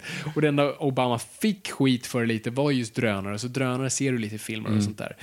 Eh, och det är ju det den reflekterar Men annars, den, den, den tar skalet av, lite som, som Marvel gör, och det är ingen kritik, utan de tar ju ofta så här, ja men vi gör, det här gör vi i formen av den här genren, men sätter en superhjälte i det. Och lite samma sak här, ja, vi har- Captain America så vi gör det till skalet och iscensätter det som en politisk thriller, men det är egentligen inte en politisk thriller, men det, det, så, det ser ut som en. Eh, så det är mer en pastisch på det. Och det är inget fel i det, men, men det är det det är. Så jag tycker den inte, så den, trots att det är den första man tänker på, tycker jag inte är det. Så de andra jag tänker på, alltså, Thor Ragnarök. nej, en är ju ganska uppenbar, men jag tänker på Watchmen. Ja, just det. Ja, men det gills inte. Varför då? Ja, men, ja, okej, men vi detta är ju samma sak. Jo, men det, och den tänkte jag komma till också. Ja. Om man vill prata om de två, Alan Moore-adaptionerna. Alltså, Alan Moore är ju uppenbart väldigt politisk eh, författare eh, utifrån ett anarkistiskt perspektiv, vilket i stort sett jag hatar alla. Ehm, och det har ju, så Watchmen har ju, alltså det är ju en politisk thriller, det är ju verkligen sån här, var kommer makten ifrån och det är konspiration och personer dör vi vet inte var det kommer ifrån och vem styr vem och Nixon är tillbaka. watches the Watchmen och Ja. Nixon och allt det där. Så den tycker jag kanske är bäst i form av en politisk thriller i superhjältegenren. Mhm. Men det är kanske mer åt serietidningen snarare än filmen, men filmen har ju absolut de aspekterna. Eh, V för Vendetta definitivt har ju serietidningen definitivt har ju mm, mycket mer politik i sig än vad kanske filmen har, men filmen hintar absolut mot det och där har du ännu en gång en anarkist som superhjälte och det är utgångspunkten. Men Alan Moore var ju väldigt bra där. Och det, det, det, och det här är också hur du gör saker bra. För att Alan Moore är anarkist, hans hjälte i storyn är anarkist, men första kapitlet, vad heter det? The Villain. Precis. Och... Eh, Kunde jag det? Ja, bra. Ah, shit. Jag har sagt det förut. Ja, vi, jo, vi, har pratat, har vi, pratat, har, vi har inte pratat om serietidningen. I, vi ska köra ett Vi förväntar ett avsnitt, jag lovar. Um, det heter The Villain. Och det är upp till dig att tolka om han är en terrorist eller hjälte, frihetskämpe. Och det är det som är så bra med den serien. Och filmen utgår väl lite mer utifrån hjälteperspektivet. Um, och uh, har även där lite skalet av alltså, vad, vad Alan Moore ville prata om var fascism i modern tid. Han för, jag tror serietidningen utspelar sig 1995. Han skrev den på 80, 88 tror jag. Uh, och han förutsåg då 95 att det skulle vara kameror överallt. Ett fascistsamhälle är ju övervakningskameror. Vad kom 1995 till London? CCTV. Ja, precis. Då kom Mm. deras övervakningssystem, Mm. trygghetskameror som man då i, i an, andra fall kallar det. Och så han hade ju verkligen handen på pulsen där. Så, så serietidningen kanske mer än filmen. Filmen är väldigt bra och har ju en politisk underton om frihet och allt sånt där och, och, och faran för, ja, den har ju uppenbara kopplingar till eh, 1984 med liksom det stora ansiktet på John Hurt där och Mm. allt sånt där. Så den har ju de bitarna där definitivt. Ehm, så, så den tycker jag, men, men en film som, den som jag tänker faktiskt mest på i politisk thriller, Och rätt, äh, som jag ändå tycker är fascinerande, för, den, för det är inte så tydligt. Och det, det också gjorde folk väldigt upprörda, likt Munich, och det var Dark Knight Rises. Mhm. Mhm. Mm. Det är ju mer typ en action-epos än en thriller, men den har ju lite, den, den är ju kanske den mest politiska av de tre. Den reflekterar ju på finanskrisen väldigt hårt. Mm. Eh, och folk var ju, alltså, det är det jag tyckte var så kul med filmen. För först var det folk som verkligen spekulerade, nej men det, handlar, det är såklart han är på Occupy Wall Street-sidan. Det är, kolla på de här och sen bara, eh, vänta lite, men de som ockuperar Wall Street i den här filmen är skurkar. Mm. Och sen blev folk bara, vänta lite. och så blev folk upprörda på Christopher Nolan för att han inte tog ställning. Än en gång, han visade bara, inte ens två sidor, han visade ett scenario. En halv sida. Ja, ja. Och, men tog aldrig ställning i det. Skurken är de som ockuperar Wall Street, men fortfarande är det ju rika som har levt på. Han har ju rätt i sin, eh, sitt upplägg, uh, Bane. Så vad säger vi om det? Så den tycker jag ändå leker lite med klassiska konspirationsthrillers. Vilket jag tänker komma in på nu. Jag, måste, jag, ska, Mm. jag håller med och håller med på den och kommer gå in på det snart. Men jag kommer Mm. bara på en till sak som speglar min presidentteori här som inte ens Okej. är säkert är min presidentteori som for it. säkert alla pratat om också. Men Homeland. Inte sett. Nej, men Homeland har ju, för det var ju lite kul, jag tror jag till och med sagt det här i den här podden tidigare. Vi kollade ju Homeland jättemycket förut och såg alla avsnitt Du fram. och din ja, fru. Ja, precis. Fram tills nu, sista säsongen, så bara, men fan, och så sket vi det. Mm. Nej, men Då är det alltid vicepresidenten som är ond. Jaha. Presidenten är så här, see nothing, hear nothing, liksom. Gud vad roligt. Eh, och då kom det ju, den nya säsongen kom ju I Trump-eran. ja, precis innan. För de, de, Mhm. de, hade, de sa ju, gick ut er- erkände i efterhand, liksom, de hade gjort den, producerat klart den innan valet. Mm. Så de, de förutsatte att Hillary var klar. Mm. Att Hillary hade vunnit, för att presidenten är fortfarande god i den säsongen. Och det Mm. var lite intressant. Eller god, men så här, godhjärtad. Eh, jo, men en film, på tal om Robert Redford, Mm. så är det samma regissör som har gjort den där All is lost, när Robert Redford åker omkring i en båt. Eh, inte sett dock, men samma Via regissör. samma klocka. Bra. Eh, Samma regissör som har gjort den Mm. har ju också gjort en av filmerna som verkligen fastnat mig riktigt rejält, som jag Mm. inte riktigt har tänkt på tidigare. Det är Margin Call. Ja, just det. Mm, mm, mm. Det är ju finanskrisen deluxe. Yes. Eh, och den vet jag inte heller om den. Det är en thriller och det handlar om stora företag och det handlar om det. Men den kanske inte är så jättepolitisk på det sättet. Ja, Jag säger snarare så här, den är väldigt politisk men inte så mycket thrillig. Va? Tycker, okej, men Alltså, den är jag spännande. Ja, det, alltså, Den är ju det, skitspännande. jag satt och tänkte, det var den första som poppade upp också när jag tänkte på det här ämnet. Så just det, Morning Call. Så tänkte jag, men vänta, det är, inget- det är inget thriller riktigt. Och det, alltså, mm. Men du, du är, den är sjukt spännande. Det är lite All the President's Men över det, faktiskt. Nu när du säger, säger Okej, det. för er som inte har sett Morning Call, jag ska bara lägga in, då är det alltså, det är en snubbe som jobbar som, det är Spock jobbar som eh, börsmäklare. Mm. Eh, och sen så kommer han som den enda som kan skådespela Transformers eh, Dark Side of the Moon. Nej, den andra. Range of Fall. Ja, skitsamma. Stanley Tucci i alla fall. Eh, Dark of the Moon. Dark of the Moon. Och då får, eh, han jobbar tillsammans med honom och sen på typ fredagen eh, så får Stanley Tucci sparken. Mm. Så här, "Ah, jag måste lämna. Och då ger han då till Spock, liksom så här, bara så du vet, vi har vi håller på att gå in i en finanskris. Mm. Eh, det kommer att gå åt helvete. Men jag är inte riktigt, så här, eller så här, jag vet inte riktigt när. Det här är mina uträkningar, titta på de här. Mm. Och Spock får dem i handen och sen så försvinner Stanley Tucci. Och han bara kollar lite grann på det och sen så liksom löser han den ekvationen eller vad man Ja. säger. Så han listar ut som att typ det smäller precis när som helst. Och eh, då har han en helg, ö- över den helgen så berättar han Ja. för sina chefer och sen så är, följer det bara hela storyn om det här företaget som över en helg förutspår hela finanskrisen. Vet att Och måste måndag morgon Mm. när allting öppnar, Då då, vi, vi har chansen att, att skjuta ut oss men vi kommer sätta alla i sank. Liksom. Och vi kommer förstöra alla våras namn i, i I all evighet. processen, men vi, vi, rädd, vi är vi rädda. räddar vårt företag men dödar oss själva i framtiden. Liksom. Exakt. Vilket är en otroligt bra premiss. Verkligen, och det är lite All the President's Men i form av lite den här, för det, det jag älskar mest med den filmen, just hur den inte talar ner till sin publik, är i det här, det är så många gånger folk säger Förklara för mig det här som att jag vore en labrador. Ja, jättebra. och just så här, förklara för mig som att jag vore ett barn. Alltså att, för att ingen fattar det. För det är så komplext och alla chefer, ingen fattar vad det är som händer. Eh, och det är jättekul. Och det är sjukt spännande, men ingenting händer egentligen. Det är folk som pratar om siffror. Men det är så åh gud, så snart händer det. Och så det, på något sätt blir det ju en, en thriller. Så du har, du har nog mer rätt i det än vad jag kanske hade tänkt. Och en av de bästa, så här, vad ska man säga, slutscenerna, men de här liksom, precis innan eftertexterna, Mm. Med när eh, self-flaturing Albano Monk, liksom bara, hela den grejen är så jävla snygg. Ja. Så jävla snygg. Ah, Mm, nej, men det är en jättebra film. Priest var också med. fungerar som en eh, som pjäs nästan. Det är bara en dialog, tung med folk i rum som pratar. Mm. Och bara tunga, bra skådespelare. Så att, ja, men den har lite av det. Är, mm, det är, en, ja, det är svårt. Det är svårt. Jag kan säga, ja, det är en thriller och jag kan säga att det är en politisk.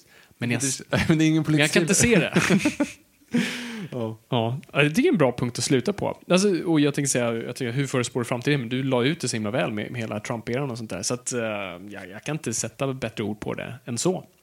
Nej, och hur svenska politiska thrillers, för det är det vi egentligen tänkte komma Aldrig till. haft, kommer aldrig bli. Nej, men det är det jag menar nu. Alltså, det, är ju jättesvårt, för nu till exempel om vi ska knyta ihop säcken med valet, det kommer inte påverka, för att vi gör ju inte såna här filmer. Nej, vi, gör, och vi har inga stora skandaler och de skandalerna vi har bara gick ut på att någon liksom hade för mycket fikaraster. Alltså, du vet, det är bara ofta så folk som missar någonting. Det är så misstag.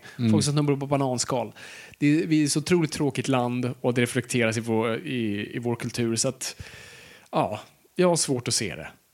Eh, och jag skulle, om någon skulle säga till mig nu, så, ja, skriv, skriv en politisk thriller som verkligen sätter, så du har fingret på pulsen på vad som händer just det. Jag skulle vara så här, jag är jag skulle inte ha någon aning om vad jag skulle göra. Jag har ingenting att utgå ifrån. Eh, och det är inte så att vi, ja, vi har inga problem. Alltså, det, är inte det jag säger. Vad vill våra politiker? Ja, men precis. Alltså, det, var, ja, alltså, det finns väldigt få... Det går inte att bygga någonting. Vi är inte med i några krig, vi har inga stora så här, vi har inte kopplingar till andra länder eller något sånt där. Då måste man verkligen göra en superfiktiv grej om en konspiration som typ inte existerar. Eller förhöja någonting, bygga någonting i, i, i, som är grundat i någonting vi har och sen förstora det, dra det upp till hundra. Jag vet inte. Hör av er om ni Pitcha grejer på Fabian. Exakt. Uh, gjort. All right. Så gör vi. Jag tror vi har det. Shit, det här blev längre än vad jag trodde. Och det började lite segt, men vi, fan, vi, kom in, vi, vi, vi, vi fick eh, bollen att rulla.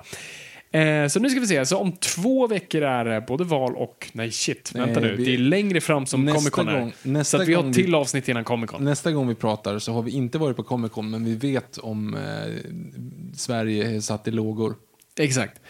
Och eh, ja, så, så tills dess, jag vet inte när, vad nästa avsnitt är och vad vi kommer prata om när det kommer, men det kommer i alla fall snart. Eh, så ni får bara hålla utkik helt enkelt. Eh, följ oss på sociala medier. Jag finns nu på Instagram. Och följ Viktor där, han har alltid funnits. Och vi finns, Noipod finns på Instagram. Vi kör lite livestreamar ibland, så, så följ oss bara för att hålla utkik där. Det är väldigt kul och ni ställer många roliga frågor. Det är kul att folk tittar. Jag förstår inte varför, men ni är fantastiska som gör det. Följ oss på Twitter. Eh, under hashtag Noipod hittar ni oss där. Och ja, det är väl det vi har. Det blir inte roligare Gå ut och rösta, det är viktigt. Så har du rösträtt, gå och gör det. Det spelar ingen roll vad du röstar på, du kan rösta blankt, bara du gör det. Det, det, det är viktigt. Alltså, se det som en obligation och som en gåva från ovan. Eller se det som en, det, det är din rättighet. Och ta tag i dina rättigheter. För om du inte gör det, då, då tar någon annan dem ifrån dig. Mm.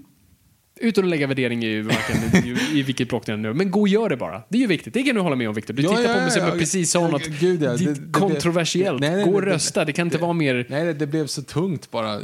Använd toalettpapper. Jag kunde lika gärna sagt det. Det är lika självklart. Ja, det är också viktigt. Det är väldigt viktigt. Mm. För annars kommer folk nog inte uppskatta dig. Nej. Okej. Ska vi bomma igen här? Okej. Tack så jättemycket för att ni har lyssnat. Det är kul att vara lyssnat. Men kom ihåg gott folk, ingenting är för nördigt.